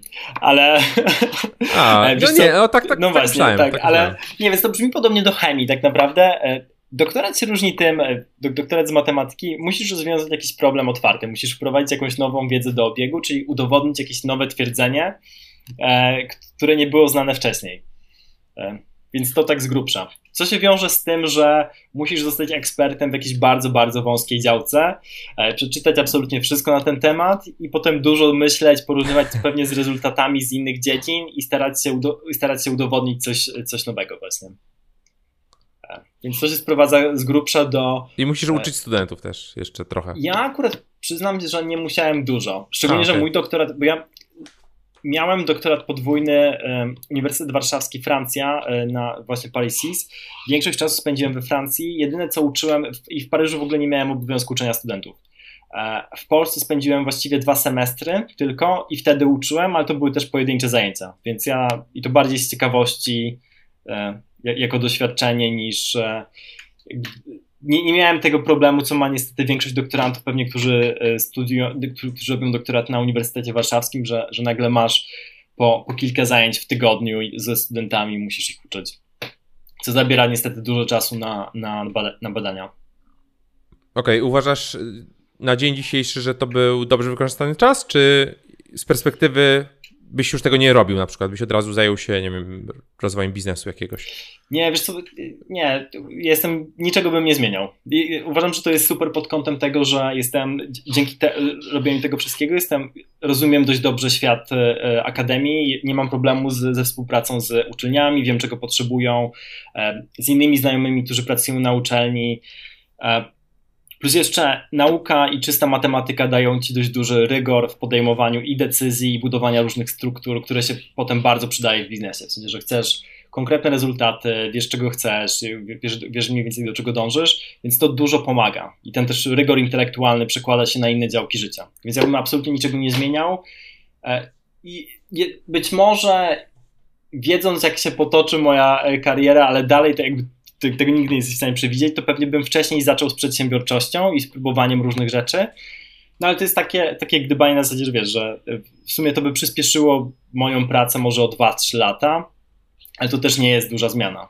Więc ogólnie cieszę się z tego, jak to wyszło, bo e, przez doświadczenie, które zebrałem, jestem, myślę, w dość unikalnej pozycji także w biznesie, gdzie jestem pomiędzy badaniami, które jestem w stanie właściwie używać, jestem w stanie czytać te prace, więc wiem, co się dzieje, a praktycznym działaniem i wykorzystywaniem tego i, i e, w praktyce do, do konkretnych case'ów biznesowych. Jak dzisiaj e, zacząłbyś, jeżeli miałbyś komuś doradzić, ktoś chce wejść w świat e, AI, nie wiem, znaleźć pracę, czy coś jakby w tym kierunku zacząć robić, to co byś mu doradził? Od czego, od czego w ogóle można, można zacząć? Jakie, jakie są możliwe ścieżki? Klasyczną ścieżką są studia informatyczne, oczywiście, ale e, w tym momencie i w szczególności w momencie, kiedy sporo uniwersytetów dalej będzie zamkniętych przez pandemię, nauka online jest dość dobra. Więc z mojej perspektywy jestem dużym fanem kursery i kursów na kurserze. E, jest kilka kursów, które tak naprawdę budują dobrą bazę i z jednej strony to jest kurs e, Machine Learning Andrew NG na kurserze, e, jest kurs IBM Data Science od IBM e, i trzecim takim kursem jest chyba Python for Everybody. Więc powiedziałem je w odwrotnej kolejności. Powinno się zrobić Python for Everybody, IBM Data Science, Machine Learning od Andrew NG i to tak naprawdę wtedy jesteś na poziomie osoby, która może szukać stażu w jakiejś firmie. I tyle, więc ja bym poszedł super praktycznie. Zrobił to, e, te trzy kursy, może przejrzał jakąś książkę i potem jak najszybciej szedł do jakiejś firmy, żeby robić konkretne problemy. Okej. Okay. E, I są takie firmy w ogóle, sensowne firmy na przykład w Polsce? Nie wiem, czy jakoś się, się orientujesz, które przyjmują takich ludzi na staż? Tak, tak. Jakby jest, są, jest kilka firm, które, e, głównie software house'y, które, które szukają takich osób. Więc nie wiem, czy powinienem tutaj robić reklamę im w trakcie, ale mogę im w sumie zrobić reklamę, jakby zdecydowanie mogę im zrobić. Powiedzieć, nie, e, nie zdecydowanie. Nie mamy tajemnic. Jest DeepSense, e, Deep, DeepSense AI, jest Epsilon, jest Tuplux. To pewnie są trzy takie największe, które ja kojarzę, które są stricte data science'owe. Mm. Wszystkich znam, wszystkich polecam, więc jakby do, do pracy zdecydowanie, więc i, i wiem, że oni przyjmują na praktyki głównie letnie. Okay. Ale też w ciągu, w, ciągu, w ciągu roku wydaje mi się, że też jeżeli jest jakiś dobry use case, to, to, to może być. Okej, okay, okej. Okay. Czyli te trzy kursy i potem, i potem lecimy. E, przychodziłem kurs ten Andrewenga. E, nie skończyłem go, bo to jednak trzeba troszkę czasu poświęcić i trochę. Tak, tak. Nie, bo trochę... ja jest zdecydowanie. Tak. Przez przechodzenie kursów właśnie miałem na myśli też, że nie, wiesz, że nie tylko oglądasz wideo i to tak. jest tyle, bo to oczywiście nic nie da, tylko rzeczywiście rozwiązujesz wszystkie tam przykłady, ci, które ci daje, robisz jakieś, trochę programowania, no bo tak to oczywiście się zbyt dużo nie nauczysz, jeżeli tylko, tylko przejrzysz kursy. Czyli jesteś jednak zwolennikiem tego, żeby zacząć od tych, od tych podstaw, że jednak ta statystyka jest potrzebna, te, te podstawy, ta regresja liniowa, te wszystkie takie podstawowe rzeczy, że nie tylko siadamy do Pythona, bierzemy jakiegoś PyTorcha, tak, czy, czy ten TensorFlow, tak, i, tak, jedziemy. Chociaż Zdecydowanie, chociaż zdecydowanie pewnie też jako, jako junior będziesz bardziej miał zadania w postaci e, wczytaj jakiś spreadsheet do, do pandasów i potem zwizual, czyli taka biblioteka e, i zwizualizuj to potem i, i tyle i dokonaj jakiejś prostej analizy, więc e, myślę, że ten Python, czy TensorFlow, Keras, czy, czy cokolwiek innego to dopiero i tak wejdzie znacznie później, kiedy e, będą już jakieś podstawy. Okej, nie- okej. Tak. Jeszcze nie widziałem, żeby juniorom dawali, dawali takie rzeczy, ale kto wie. W sensie jakby to widać też, że sporo się demokratyzuje i ułatwia i rzeczywiście jakby nie, w tym momencie zbudowanie sieci neuronowych jest dość proste. I można to rzeczywiście zrobić kilkoma e, linijkami kodu. Okej, a może w takim razie pójść innym modelem, czyli e, nauczyć się z tych kursów coś i zacząć budować swój projekt gdzieś, gdzieś po godzinie, Ale nie, iść na ten staż. Tak, zdecydowanie. W sensie, okej, bo to pewnie zależy od tego, jaki masz charakter. Ja na przykład bym bardziej szedł tą drogą i tak naprawdę ja to robiłem, to w większości szedłem tą drogą w znaczeniu, że e, ucząc się programowania budowałem rzeczy dla siebie i, i, te, i takie, które mnie interesowały. Mm. Tylko, że to zależy od tego właśnie, jak, jak się najlepiej uczysz. Czy potrzebujesz kogoś, kto będzie z tobą siedział i pokazywał ci różne rzeczy, czy potrzebujesz właśnie ciszy, spokoju i sam sobie wszystko będziesz wymyślał. E, Jedna i druga droga jest jak najbardziej dobra. Okej, okej. Także takie, takie wskazówki mamy dla Was. Tak. E, a teraz powiedz mi jeszcze, e, jak to było z tym Forbesem? Bo byłeś w Forbesie, tak? Tak, tak. 30 under 30. Byłem za drugi startup, który e, też nie wyszedł niestety. E, wiesz co, to było... E, Drugi startup, mam trzy. Bring AI, Bor i Ulam AI. Jeden, A, jed- okej. To- okej. Bo, bo w tym momencie to, co głównie ja robię, okej, to zależy jak to liczysz. E, e, okej, to ja może zacznę historię od początku w takim Dobrze, razie, bo dobrze. e, To, to zacznijmy To może od tego Bring, Bring AI. Od tego się wszystko zaczęło, tak? Tak, od Bring, w tym mom- tylko że w tym momencie, kiedy powstał Bring, powstał też Ulam AI i Ulam AI gdzieś tam zawsze był w tle i on do teraz właściwie trwa, tylko że to jest trochę na boku na tyle, że ja aktywnie nie szukam klientów, a Ulam AI to jest po prostu klasyczny consulting, jeżeli chodzi o AI i data science. Więc po prostu od czasu do czasu zgłaszają się do mnie jakieś firmy, które potrzebują e, czy to pomocy przy projektach R&D, czy jakoś opanowanie jakby z, e, z zespołu, jakby zbudowanie strategii pod to, jakie algorytmy wdrażać do projektu i tak dalej. E, Więc ileś godzin w tygodniu, w większości pewnie nie więcej niż 5-10 e, poświęcam na projekty zewnętrzne i to się dzieje w ramach Ulam AI. I to istniało od mniej więcej wtedy, kiedy istniał Brink, przy czym to było typowo serwisowe, więc tutaj tego nie, nie wrzucam jako startup. Skąd Bo nazwa zosta- Ulam? E, Stanisław Ulam, polski matematyk, który A. pracował nad bombą, e, bombą atomową. No i na zasadzie skojarzenia, że bomba atomowa naszych czasów to jest sztuczna inteligencja. No ciekawe, ciekawe to myślenia. Hmm, nazwisko. Ciekawe, Tak. ciekawe.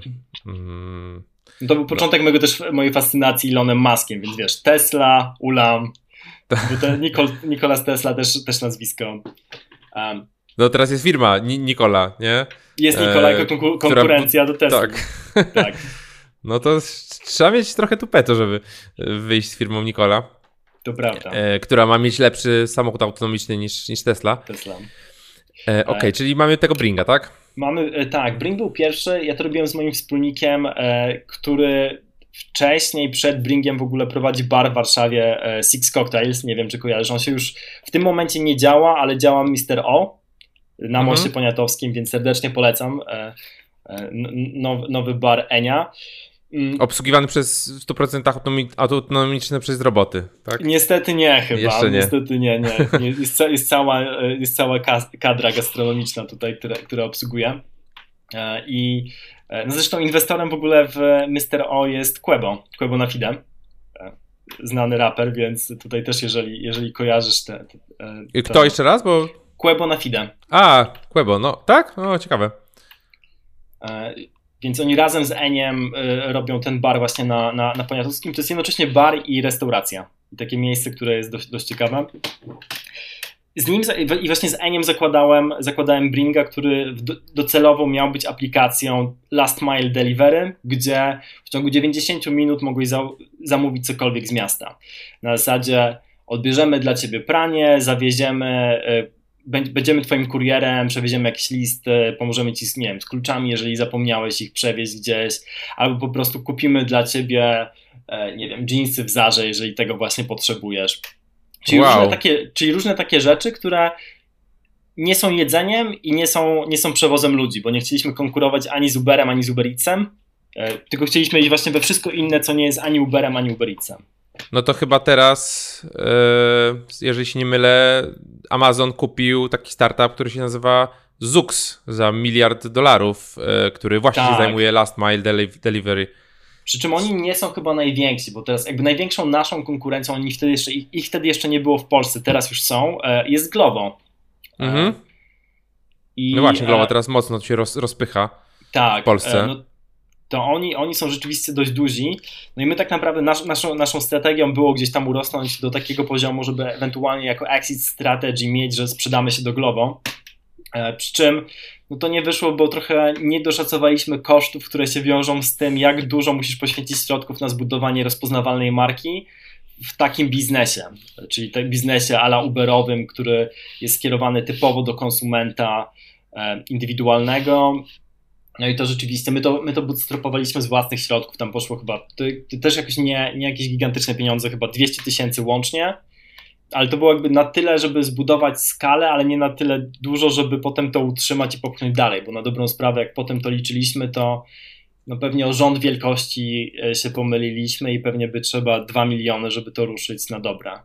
Ale czy wy A... mieliście mieć flotę, która będzie dostarczać?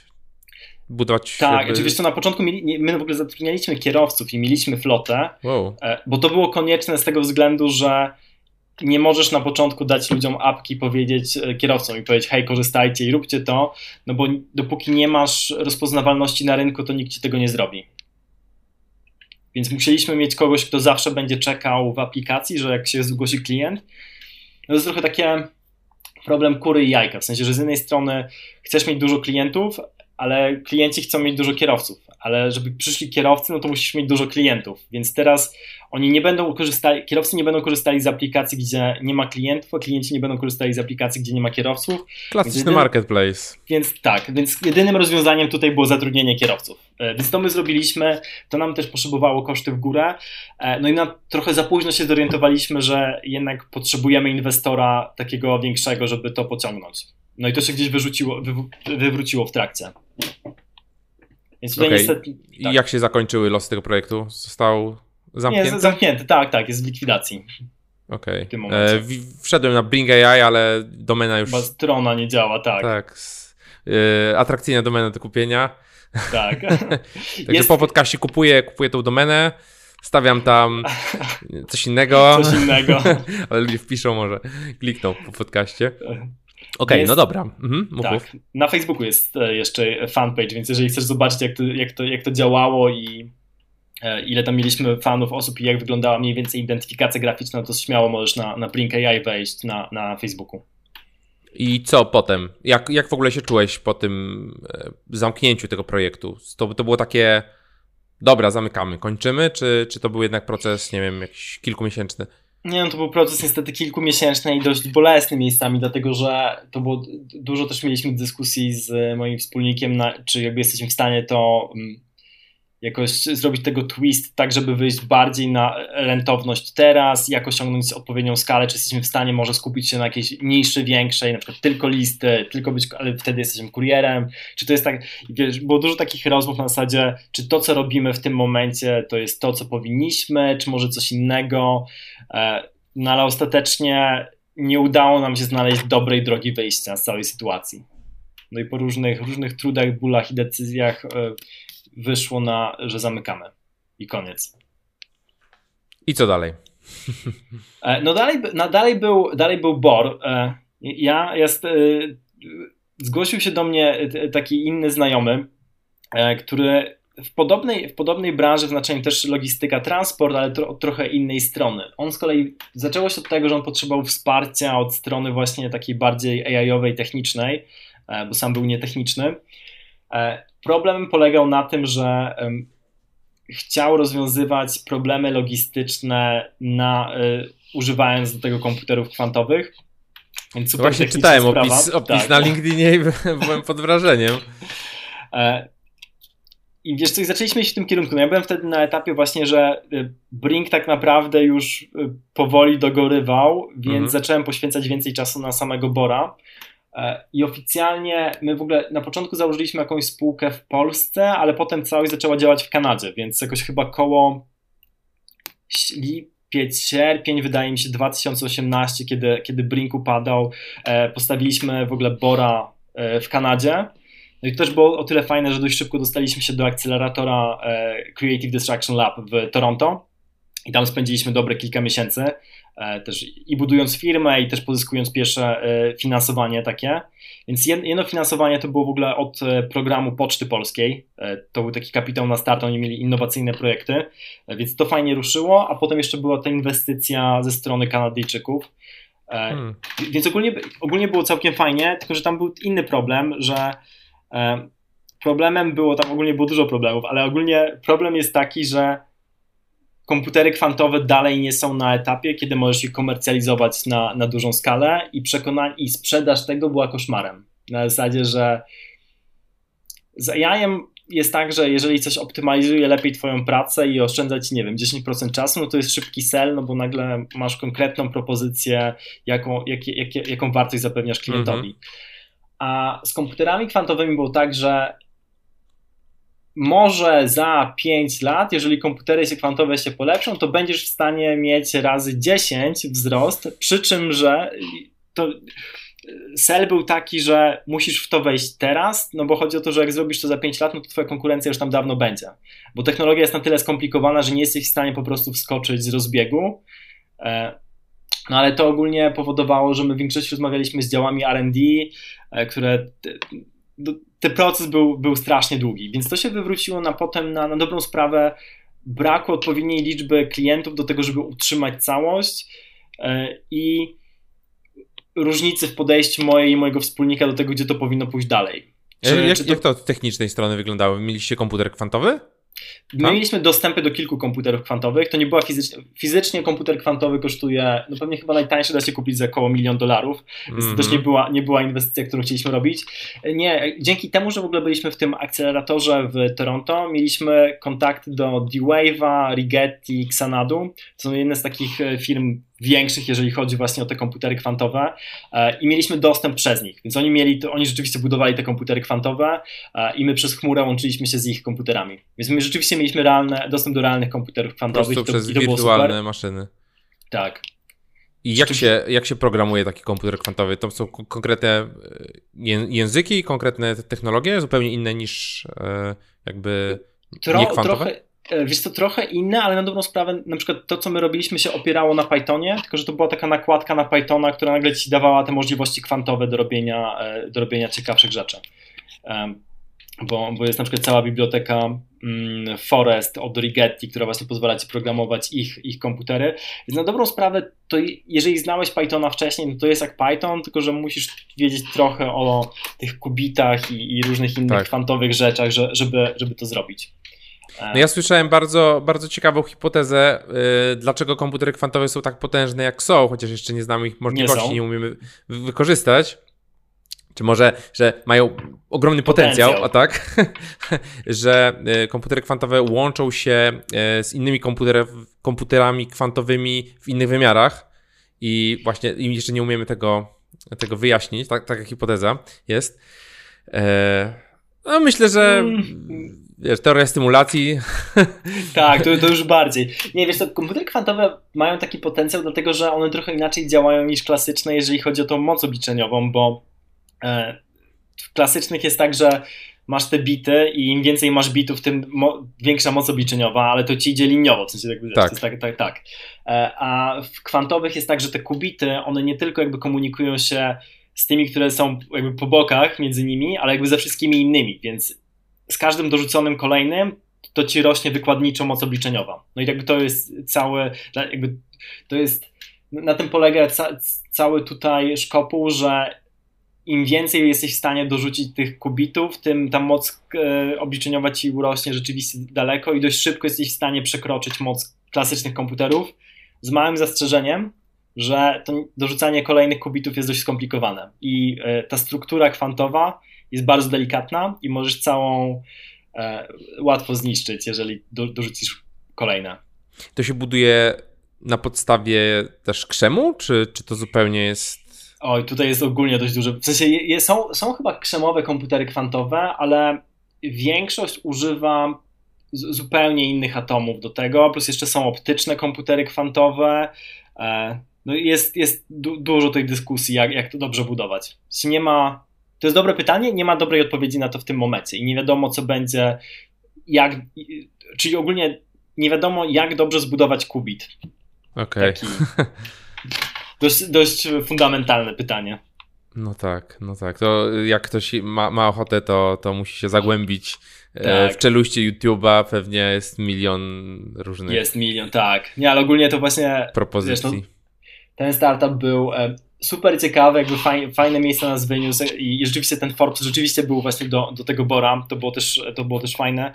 No my robiliśmy dość rzeczywiście unikalne i przełomowe rzeczy tak globalnie, włącznie z tym, że e, Microsoft e, wy, wyróżnił nas właśnie nawet nie polski, tylko rzeczywiście z, z Kalifornii jako jeden z 14 startupów globalnie, którzy, którzy robią właśnie fajne rzeczy w, w kwantowych.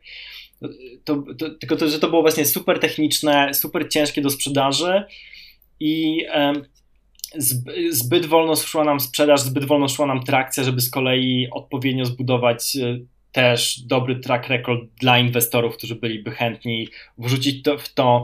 Tam chyba akurat przewinęło się pewnie około pół miliona, ale by pewnie trzeba znacznie, znacznie więcej dalej, żeby, żeby to rozwinąć.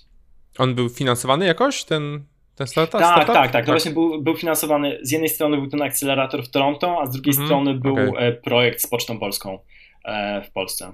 Czy jeszcze by się przydał grant miliard od Microsoftu i może by coś z tego wyszło za 10 tak. lat. Niestety tak. No to było super techniczne.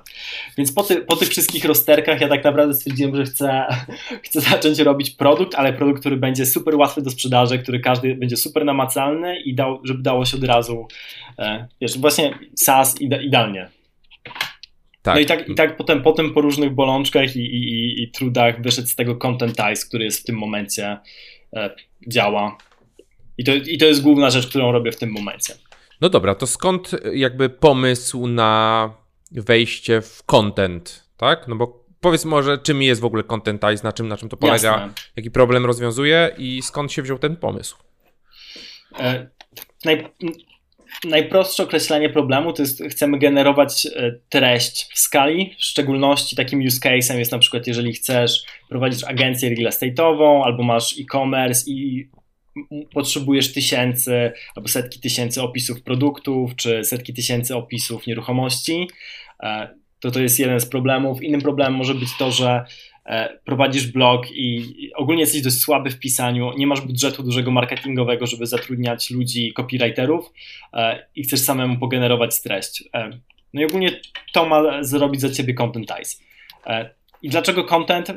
Bo tak jak wspominałeś już wcześniej, ja, ja pisałem te powieści znacznie wcześniej, więc ten content był u mnie w tle od zawsze i ja chciałem zaangażować się jakoś w content i być w stanie robić coś dookoła contentu. A to powiedz jeszcze, jeszcze taka, taka mała, dygresja, jakbyś mógł powiedzieć, co to, były za, co to były za książki, bo kilka razy o nich wspomnieliśmy, a ani razu nie powiedzieliśmy. Jasne. To... Co ty tam wydałeś? Powieści o, Którą warto przeczytać? Powieści były trzy. E, był Bystry Potok, Plac Zbawiciela i Jak być dwudziestolatkiem. E, więc pewnie, e, jeżeli ktoś miałby sięgać w tym momencie, to ja bym polecił najbardziej chyba Plac Zbawiciela, czyli tą drugą, która jest taką dość cienką książeczką właśnie z różnymi filozoficznymi rozterkami plus do tego technologia. Powinna być dostępna w Empiku i w jakichś innych, czy online na Allegro bez problemu. To był sukces komercyjny, te książki? Jak, nie, zdecydowanie nie. Zdecydowanie nie. nie, powieści raczej nie. Wiesz co, sukcesem komercyjnym jest, bo ja w, e, w, tym roku napisałem i wydałem dwie książki, przy czym to już był jako eksperyment, bo tamte wydałem z wydawnictwem i one w ogóle poszły prze, przez wydawnictwo papierowy Motyl, dlatego są dostępne w Polsce. E, wydałem po angielsku dwie książki. Jedna e, Data Science Job, How to Become a Data Scientist, a druga Artificial Intelligence Business, więc je, ta pierwsza jest skierowana do ludzi, którzy chcą zostać data scientystami, e, druga jest skierowana do ludzi biznesu, którzy bardziej chcą zrozumieć, jaki jest potencjał sztucznej inteligencji. E, no i to rzeczywiście się sprzedaje. W sensie każdego dnia przynajmniej jeden, dwa egzemplarze tych książek e, się sprzedają, bo w to mam wgląd na, na Amazonie. Mm. No i ktoś rzeczywiście się regularnie do mnie odzywa, że, że, że to było pomocne i że chce porozmawiać więcej, więc to jest też super pod kątem okay. E, zdobywania nowych klientów. Więc niestety, znaczy niestety albo stety, e, moje, moje powieściowe, moje, powieści, powieściowe książki się nie, sprzeda, nie sprzedają, e, z kolei te techniczne jak najbardziej. No ale przygoda o, fajna chyba, nie? Przygoda fajna, więc pięć wydanych książek łącznie. e, Okej, okay. i jakby też stąd częściowo zainteresowanie tym kontentem całym. Tak, tak. Więc... Czy, e, czy, czy wy wykorzystujecie w takim razie, czy planujecie wykorzystać to GPT-3, o którym rozmawialiśmy, czy 4, czy 5? Tak, nie, zdecydowanie, zdecydowanie. W sensie jestem gdzieś tam na waitlistie do GPT-3 z opisanym use case'em i, i, też, i też z potencjalnymi klientami w ogóle na, na to, żeby razem w to wejść. E, w tym momencie my już mamy GPT-2 i, i jakby fine-tunowaną wersję, plus jeszcze inne nasze własne modele, więc trochę tych modeli językowych jest. E, więc ja też głęboko siedzę w tym właśnie, co się dzieje w GPT-3, w GPT-2, jakie są różnice, jakie są inne modele, e, no bo jest to dość istotne dla tego, co tam się dzieje. Dla, dla, takiego zwyczajnego człowieka, e, na przykład dla mnie, mhm. e, wydaje się, że jakby generowanie kontentu, automatyczne generowanie kontentu, no to wyjdzie coś w ogóle bezsensownego, co, czego się nie da czytać. E, powiedz mi, w jaki sposób, czy jesteś w stanie wygenerować faktycznie sensowne artykuły, które ktoś pomyśli, że to napisał inny, inny człowiek i da mu to jakąś, nie wiem, wartość? Wartość? Tak, przy czym ja robię różne testy. W sensie mam, mam bloga na Medium, gdzie rzeczywiście w tym momencie tam jest chyba około 250-60 artykułów, które wrzuciłem, e, z czego i rzeczywiście jest to do jakiegoś stopnia poczytne, bo, bo tych followersów na Medium jest chyba 3,5 tysiąca w tym momencie, jako, jakoś coś takiego. E, I część z tych artykułów jest wygenerowana. I tak zupełnie. Przy czym najlepiej, najlepiej się czytają akurat artykuły, które są w połowie wygenerowane, a w połowie po mojej edycji. I tutaj okay. widzę, że jest, bo jakby ja, jakby ta, ta, technologia jeszcze nie jest na takim poziomie, żebyś ty tylko wrzucił sobie nagłówek tekstu i ci dało doskonały tekst, e, bo to jest jeszcze za wcześnie i to jeszcze GPT-3 też w tym większości nie pomoże. Za to to, co jesteś w stanie zrobić, to maszyna, te algorytmy są ci w stanie dać szybko jakiś draft tekstu, na którym możesz dalej popracować. Więc tutaj celem bardziej jest przyspieszenie twojej pracy, gdzie masz kilka, kilka nagłówków, których chcesz użyć, wrzucasz to w maszynkę, to ci daje tekst na 1000-2000 e, słów, znaków, e, no i nagle z tego możesz, masz coś, nad czym możesz pracować dalej. Na, pod tym siedzi jakby jakiś wytrenowany model, który Rozumiem, że to jest język angielski, tak? Polski pewnie nie jest obsługiwany. Polski nie działa, ale z tego co widzę, znaczy dobrze działają y, inne, inne języki europejskie. E, włoski, francuski, e, niemiecki. Polski jest tylko e, polski do białkowej inteligencji. Tak, tak, polski jest trudny strasznie. Bo jest, wiesz, odmiana, tutaj to jest, to jest skomplikowane. Kto w ogóle stoi za tym, za tym projektem? Jak tam zespół wygląda? Czy wy i czy jakby on jest finansowany w jakiś sposób, czy, czy to jest bootstrapping? Wiesz co, w tym momencie jest bootstrapping. Ja jestem founderem e, i mam pięcioosobowy zespół łącznie ze mną. Przy czym e, jestem ja, trzech programistów i jedna osoba do marketingu. Okej, okay, ale ty to jakby Finansujesz? Ja to, czy... Tak, ja to finansuję. To jest bootstrapowane przeze mnie. E, więc jakby to jest o tyle fajne, że w tym momencie, e, to jest może takie, takie ciekawe, że jakby w tym momencie sam Contentize jest zupełnie za free, w sensie możesz zupełnie wejść, też zachęcam. E, mhm. Contentize.com możesz się zarejestrować i działa za darmo. My pewnie wersję płatną będziemy wprowadzali za jakiś czas. Jest już ponad pół tysiąca użytkowników, to tak w miarę, w miarę szybko rośnie. Przy czym zarabiamy w tym momencie głównie na generowaniu treści. Więc jest jakby, to, to jest super ciekawe, że mamy tam rzędu w tym momencie pewnie pomiędzy 3 a 4 tysiące dolarów miesięcznie przychodu e, samych reklam i linków afiliacyjnych w różnych tekstach, które są na tyle dobre, że ludzie tam wchodzą i rzeczywiście jakąś wartość to dostarcza. Czy tu mówimy o tym serwisie petacrunch.com? Jest, jest, jest i PetaCrunch i jest e, kilka innych, jak na przykład Data Science Rush, tylko Data Science, no i tam jest jeszcze multum innych serwisów, które są, e, które działają gdzieś na bazie tego silnika contentize'owego. A, to bardzo ciekawe. No właśnie byłem na tym PetaCrunchu, e, bo linkowaliśmy, linkowaliście do tego, że to jest jakiś, tak. jak, jako case study trochę. Czy tam większość tekstów, czy wszystkie teksty są wygenerowane właśnie przez, przez wasz algorytm? Wiesz co, tam, tam jest trochę śmieszniej, bo PetaCrunch to może przybliżyć słuchaczom, e, widzom. E, to jest serwis, gdzie są wywiady z founderami startupów w większości. I te wywiady są prawdziwe, one zostały realnie przeprowadzone e, przez maila, tylko że z osobami, z dziennikarzy, którzy je przeprowadzali, nie istnieją. To są algorytmy. okay. Więc tutaj jest jakby trochę, automatyzacja jest trochę po, inne, po innej stronie, bo teksty są jak najbardziej prawdziwe, te wszystkie wywiady się odbyły, tylko że przeprowadzili je dziennik, AI-owi dziennikarze. I jak taki proces wyglądał? No ale zakładam, że co, main, oni main... nie wybierali ich, tych founderów, czy, czy algorytm wybierał ich i układał nie, pytania? Nie, algorytm wybierał, algorytm wybierał, wiesz, bo to jest tak, że e, algorytm zbudował sobie bazę founderów, którzy założyli startupy i zebrali finansowanie między milion a 100 milionów dolarów finansowania, mniej więcej. No i po prostu za, zaczął pisać mailowo tam, gdzie były maile publiczne, żeby tutaj e, nie było problemów z RODO, tylko rzeczywiście gdzie na ogólne skrzynki, gdzie, które, które były podawane z prośbą o kontakt do CEO, foundera i z prośbą o przeprowadzenie wywiadu. No i potem dalej było kilka odpowiedzi. E, no i ten e, success rate był dość duży, bo na chyba 20 tysięcy wysłanych maili, bo tyle poszło, odbyło się tysiąc wywiadów. Mniej więcej, więc to takie 5% success rate'a. No nieźle. Powiem ci, że nie spodziewałem się, że to, to, to, tak ten proces. Właśnie zastanawiam się, jak ten proces wygląda, że mógł pisać tam o wywiadach, ale Kurczę, no to. e, ale to jest ten sam, to jest ten algorytm contentizowy, czy to jest jakiś mix, tak, nie? Ogóle... Bo to, to jest trochę miksa, ale to jest to, co możesz robić z contentizem. W ogóle Petacrunch był jeszcze przed contentizem. Jakby to było coś, jakby moje pierwsze zabawy z contentem takim e, generowanym do jakiegoś stopnia, czy z automatyzacją contentu. E, no i to było pierwsze co, co ja stwierdziłem, że ok, e, ja mam te algorytmy, to chciałbym teraz zrobić z tego bardziej platformę i udostępnić to innym i to sprzedawać. Okej, okay, a kolejnym krokiem będzie deepfake, który będzie taki wywiad, jak, e, jak my teraz przeprowadzamy. Tak naprawdę ja, ja mnie, mnie nie ma, jestem nie, wytworem. nie ma, tak. Ja też... E, no tak, no bo to też... To, nie, kolejny krok jest dość ciekawy z mojej perspektywy. E, kolejnym krokiem jest budowanie spersonalizowanych treści na życzenie. Czyli wyobraź sobie, że googlujesz coś, nie ma tego na Google, mm ale i tak dostajesz jakąś treść, która jest, została wygenerowana dla ciebie, na potrzeby tego, czego szukasz.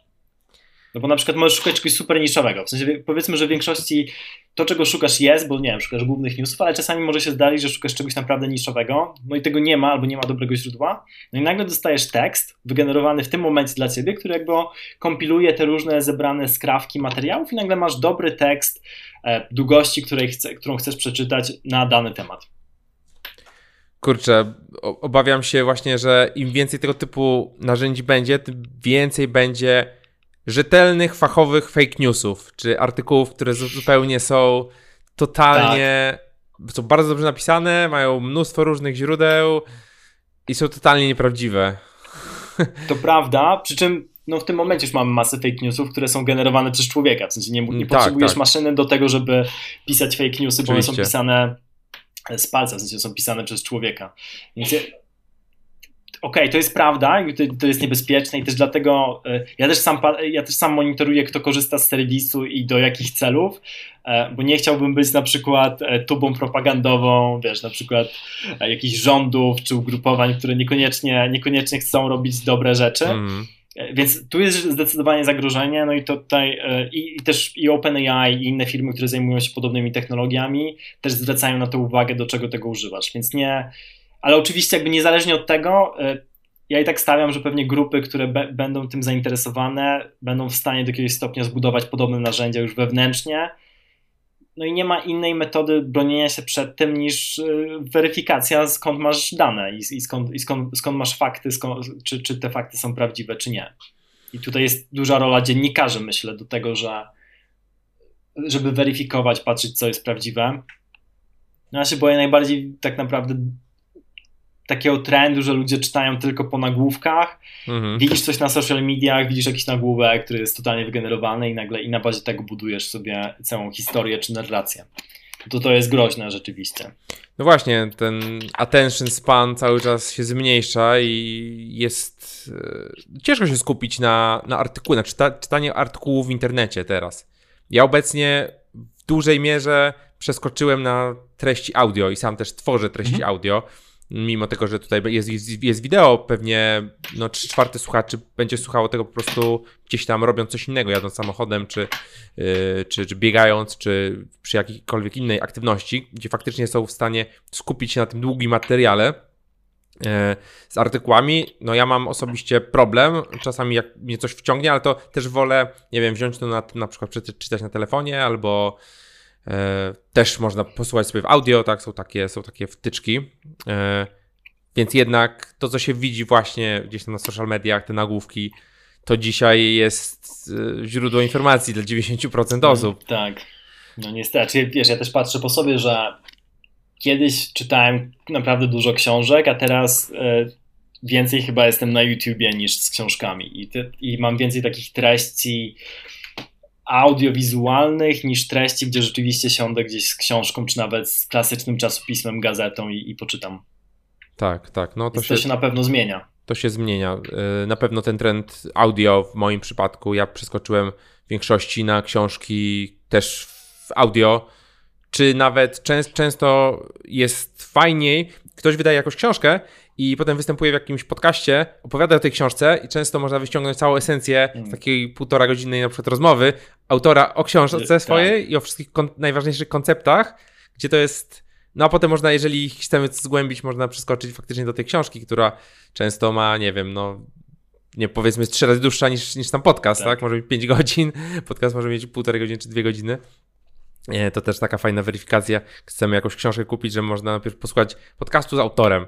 Tak, takie demo. Takie demo. Książki. Takie demo i wyciągnięcie e, tych wszystkich mm. najważniejszych informacji. Zanim ja przeczytałem książki e, e, profesora Harariego, tak, no to słuchałem z nim podcastu i tam były wszystkie te koncepcje z Sapiensa Homo wymienione.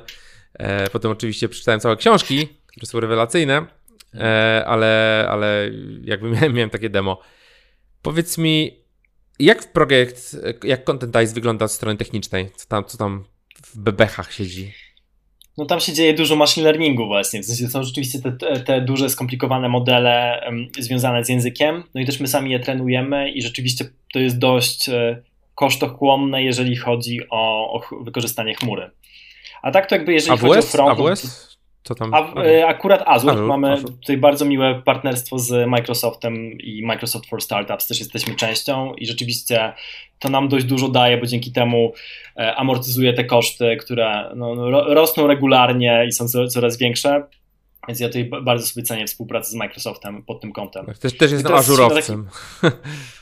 Super. Akurat, no. Więc dla nas jest taki teraz naturalny etap, że właśnie jest ten pięcio, pięcioosobowy zespół e, i w tym momencie ja właściwie szukam finansowania na, na e, skalowanie, bo widać, że jest zapotrzebowanie na rynku, że coraz więcej osób się odzywa i fajnie by jednak wyjść globalnie. Co ciekawe, większość w tym momencie użytkowników jest oczywiście ze Stanów i z UK na drugim miejscu, bo oczywiście język angielski, ale e, trzecim i czwartą największą bazą użytkowników są Chińczycy i Hindusi. Hmm. Ale szukasz inwestora zagranicznego, czy? Tak, tak, właściwie tylko najchętniej z Europy, ale, ale e, poza Polską. Ja sam jestem w tym momencie w Londynie. Zespół pewnie będzie, ja, większość, wszystkie właściwie osoby są w tym momencie w Warszawie. Jedna, jeden z deweloperów jest na Ukrainie. E, więc to też jest fajne, więc już jest globalnie w tym momencie, ale ostatecznie chcę budować zespół programistyczny w Warszawie, zespół sprzedażowy za granicą. Tak klasycznie. Super. Bo klienci i tak są za granicą, a e, programistów mamy bardzo dobrych, więc tutaj nie potrzebuję. To, to, to powiem, powiem Ci, wpadaj we wrześniu do Akademii Globalnego Startupu, od razu będziesz miał network, cały przegląd inwestorów e, na wyciągnięcie ręki. E, więc, więc za, za, zapraszam. Taka... Ja już mam nadzieję, że do tego. Do, dziękuję. Ja już mam nadzieję, że do tego etapu zamknę w sumie tą inwestycję. Myślisz? Plan Aha, taki, już, że... już tak. Znaczy mam, wiesz, ja w tych rozmowach jestem od jakiegoś czasu i też planuję, że do końca, idealnie do końca września, y, początek października, żeby, żeby coś wyszło jak, y, z tego. Okej, okay, okej, okay. czyli już rozmowy w toku. E, to powodzenia, życzę, życzę dużo powodzenia. Ok, czyli powiedzieliśmy, Dzięki. że mamy Azura, mamy machine learning, że wykorzystujecie mechanizmy e, ażurowe, takie dedykowane pod, e, pod uczenie modeli? Czy to jest wirtualka i wy sobie sami wszystko tam robicie po swojemu? Sami sobie wszystko robimy. W sensie mamy wirtualne maszyny i na tym z, z e, różnymi GPU i na tym już sobie sami definiujemy cały stack e, technologiczny. E, co mogę jeszcze dodać? No tak naprawdę sama apka to nie jest, jakby stoi na Django w mhm. tym momencie, więc to nie jest nic tam z jakimiś elementami pewnie reaktowymi. Ja przyznaję, że frontend i to nie jest moja mocna strona, więc ja tam nie wchodzę okay. za bardzo co tam się dzieje. To działa i, i to jest dobrze. No to co ja, ja głównie, głównie robię w tym momencie, to też jakby kierunek, jeżeli chodzi o ten machine learning. Mm, no i dużo rozmów z klientami rzeczywiście. To jest jakiś konkretny jest framework? Yy, TensorFlow? E, wiesz co, mm, my głównie chyba działamy w, jest i TensorFlow i Keras okay. chyba w tym momencie.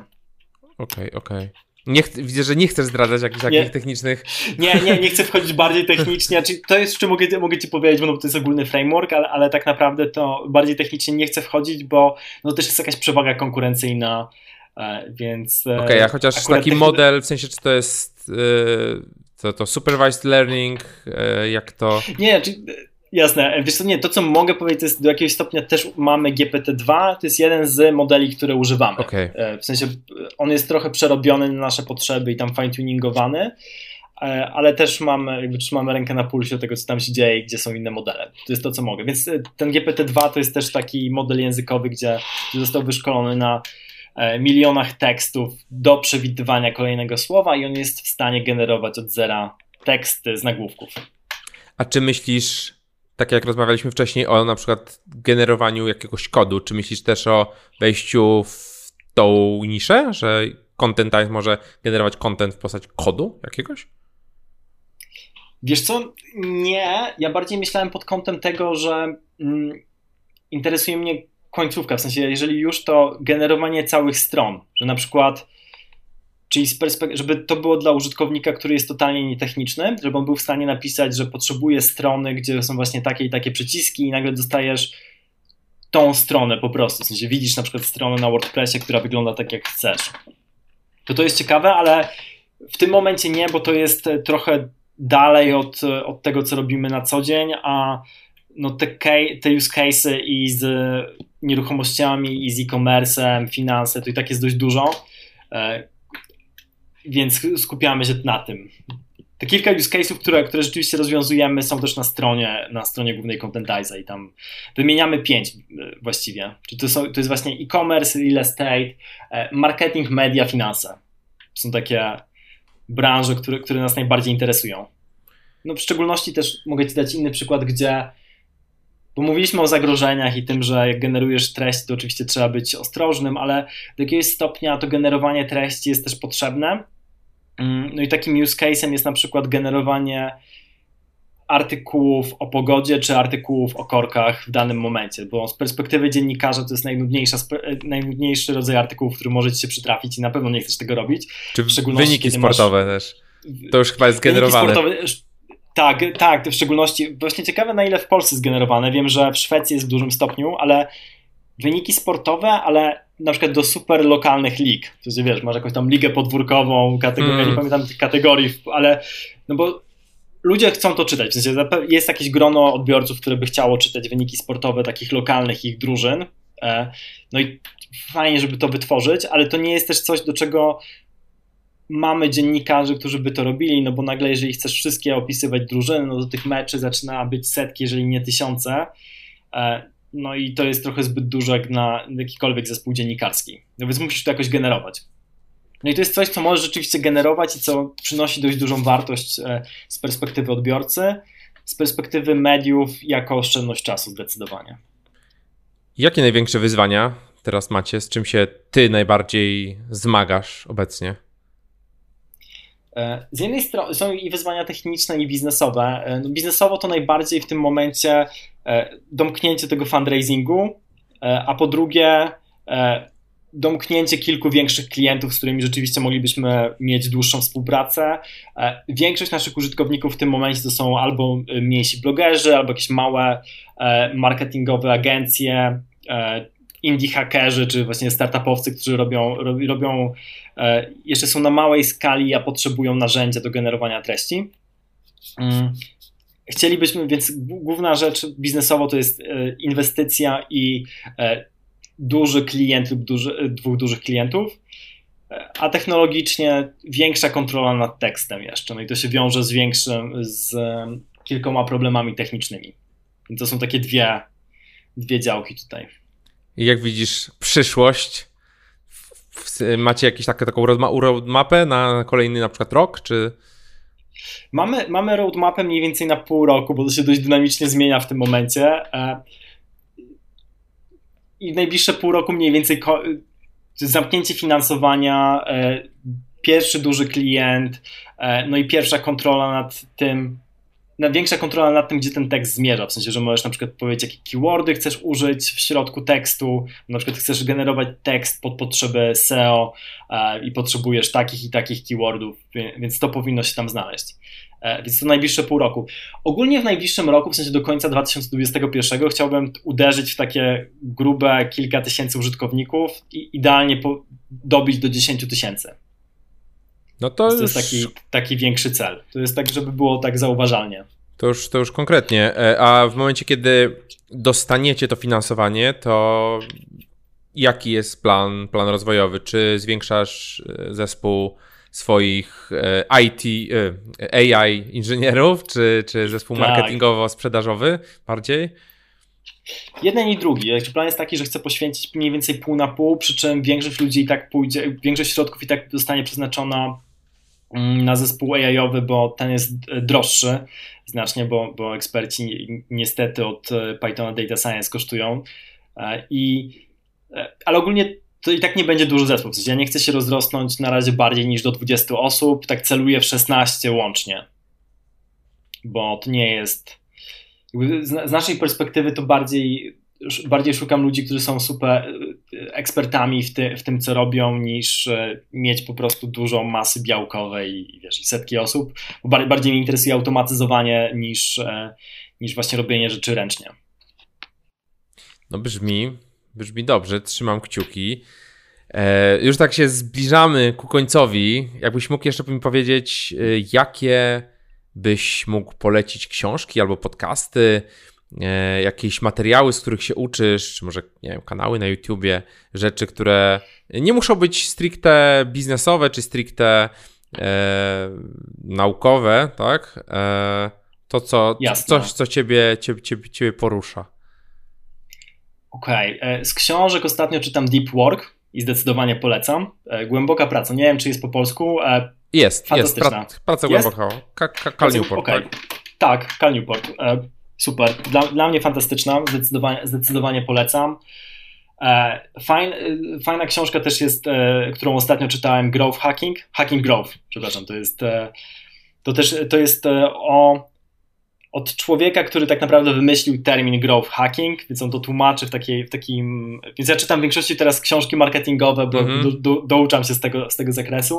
Uh, hacking growth jest też bardzo fajne pod kątem tego, jak robić niestandardowe akcje marketingowe, jak konkurować z firmami, które mają miliony dolarów budżetu marketingowego, podczas gdy ty masz powiedzmy, nie wiem, 10 tysięcy, mm -hmm. jakby co z tym zrobić, żeby, żeby, żeby wyjść lepiej na tym niż oni.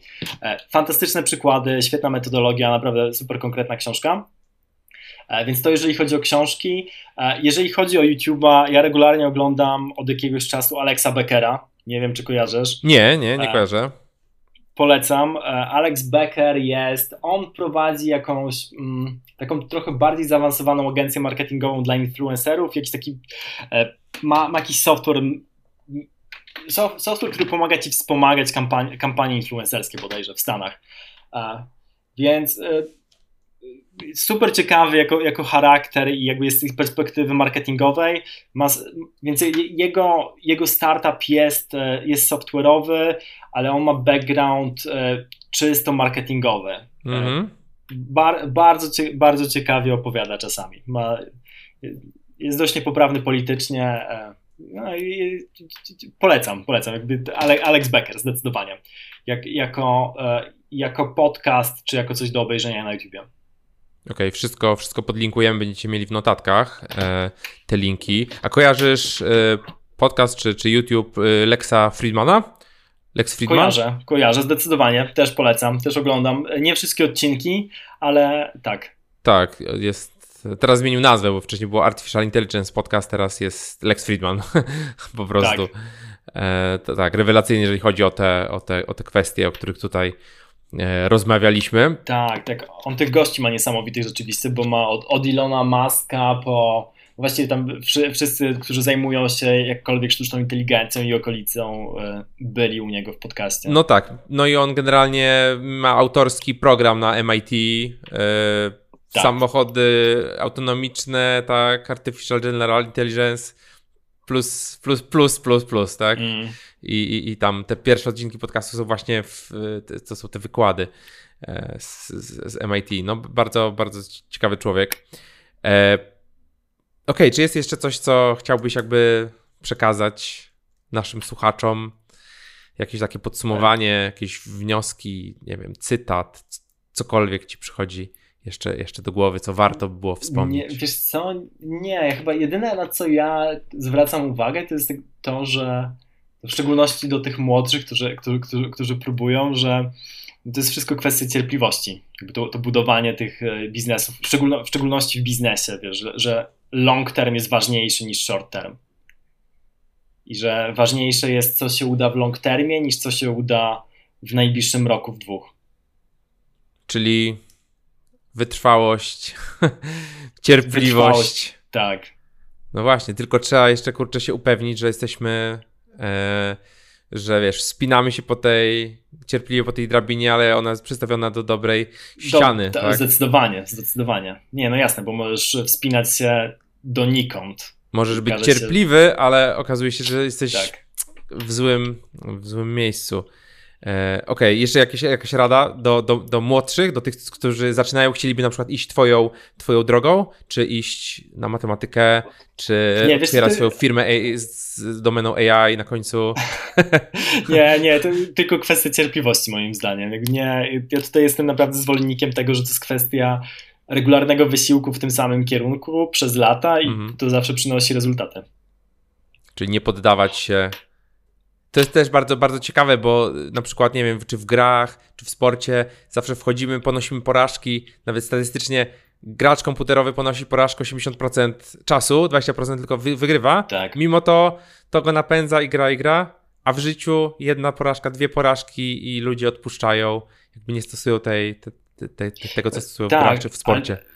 Dla mnie to jest super ciekawe właśnie, że pod kątem psychologicznym właśnie w grach to jest naturalne, że ponosisz porażki, no bo wtedy gra ci pokazuje, że jest ciekawa, że, że, że gra, w której byś wygrywał cały czas, e, czy, czy byłaby po prostu zbyt łatwa. A nagle w życiu jest jakieś takie oczekiwanie, że powinno ci wszystko wychodzić cały czas, i, ale, tylko że jeżeli ci wszystko wychodzi, to znaczy, że idziesz linią najmniejszego oporu i tak naprawdę nie robisz ciekawych rzeczy.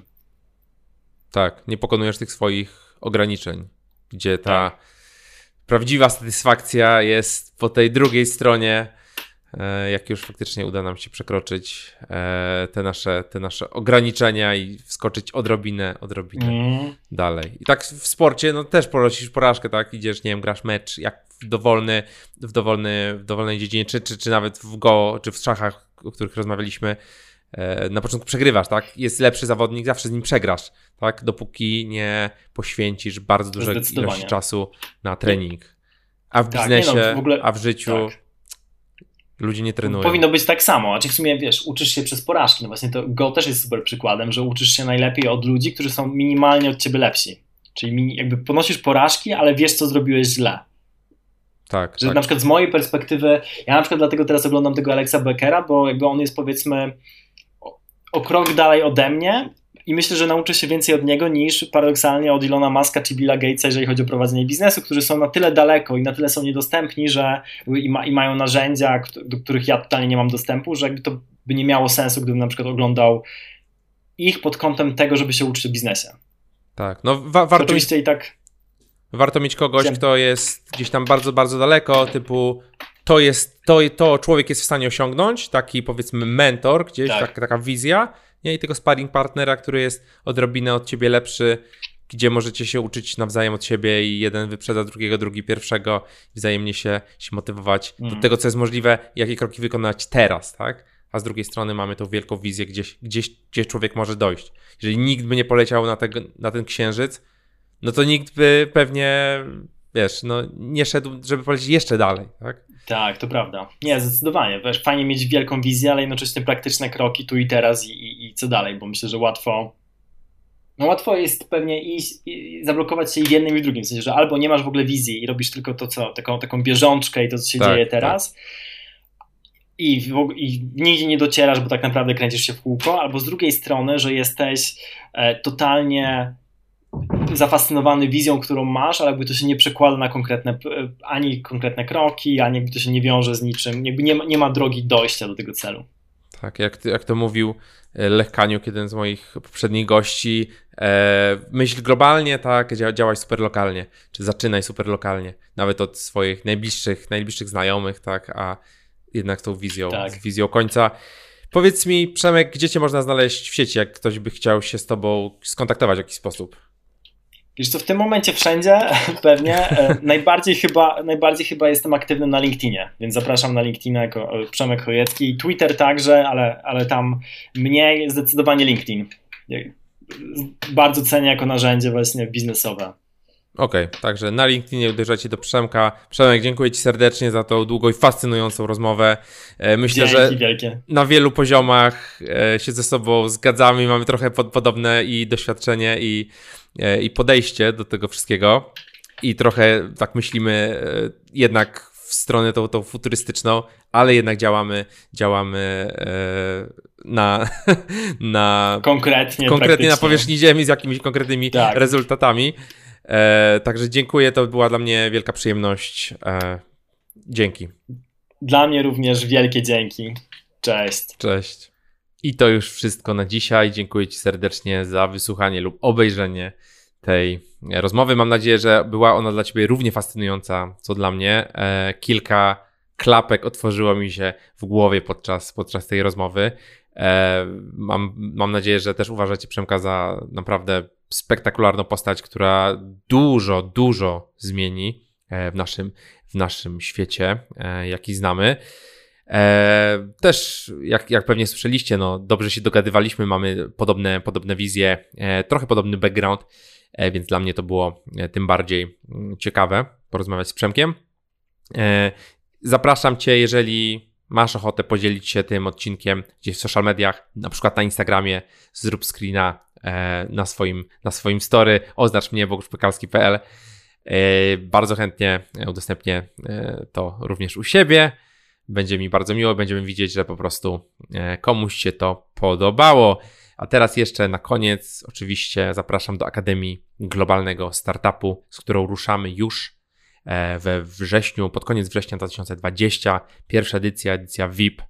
E, także każdy founder lub wannabe founder, który jest poniżej tych kilku milionów rocznego przychodu powtarzalnego, myślę, że to jest coś, co może przenieść Twój biznes na wyższy poziom. Nawet jeżeli zaczynasz, warto tą wiedzę od razu mieć, więc zapraszam Cię na akademiags.pl, jak Akademia Globalnego Startupu.pl, taki skrót, żeby było szybciej.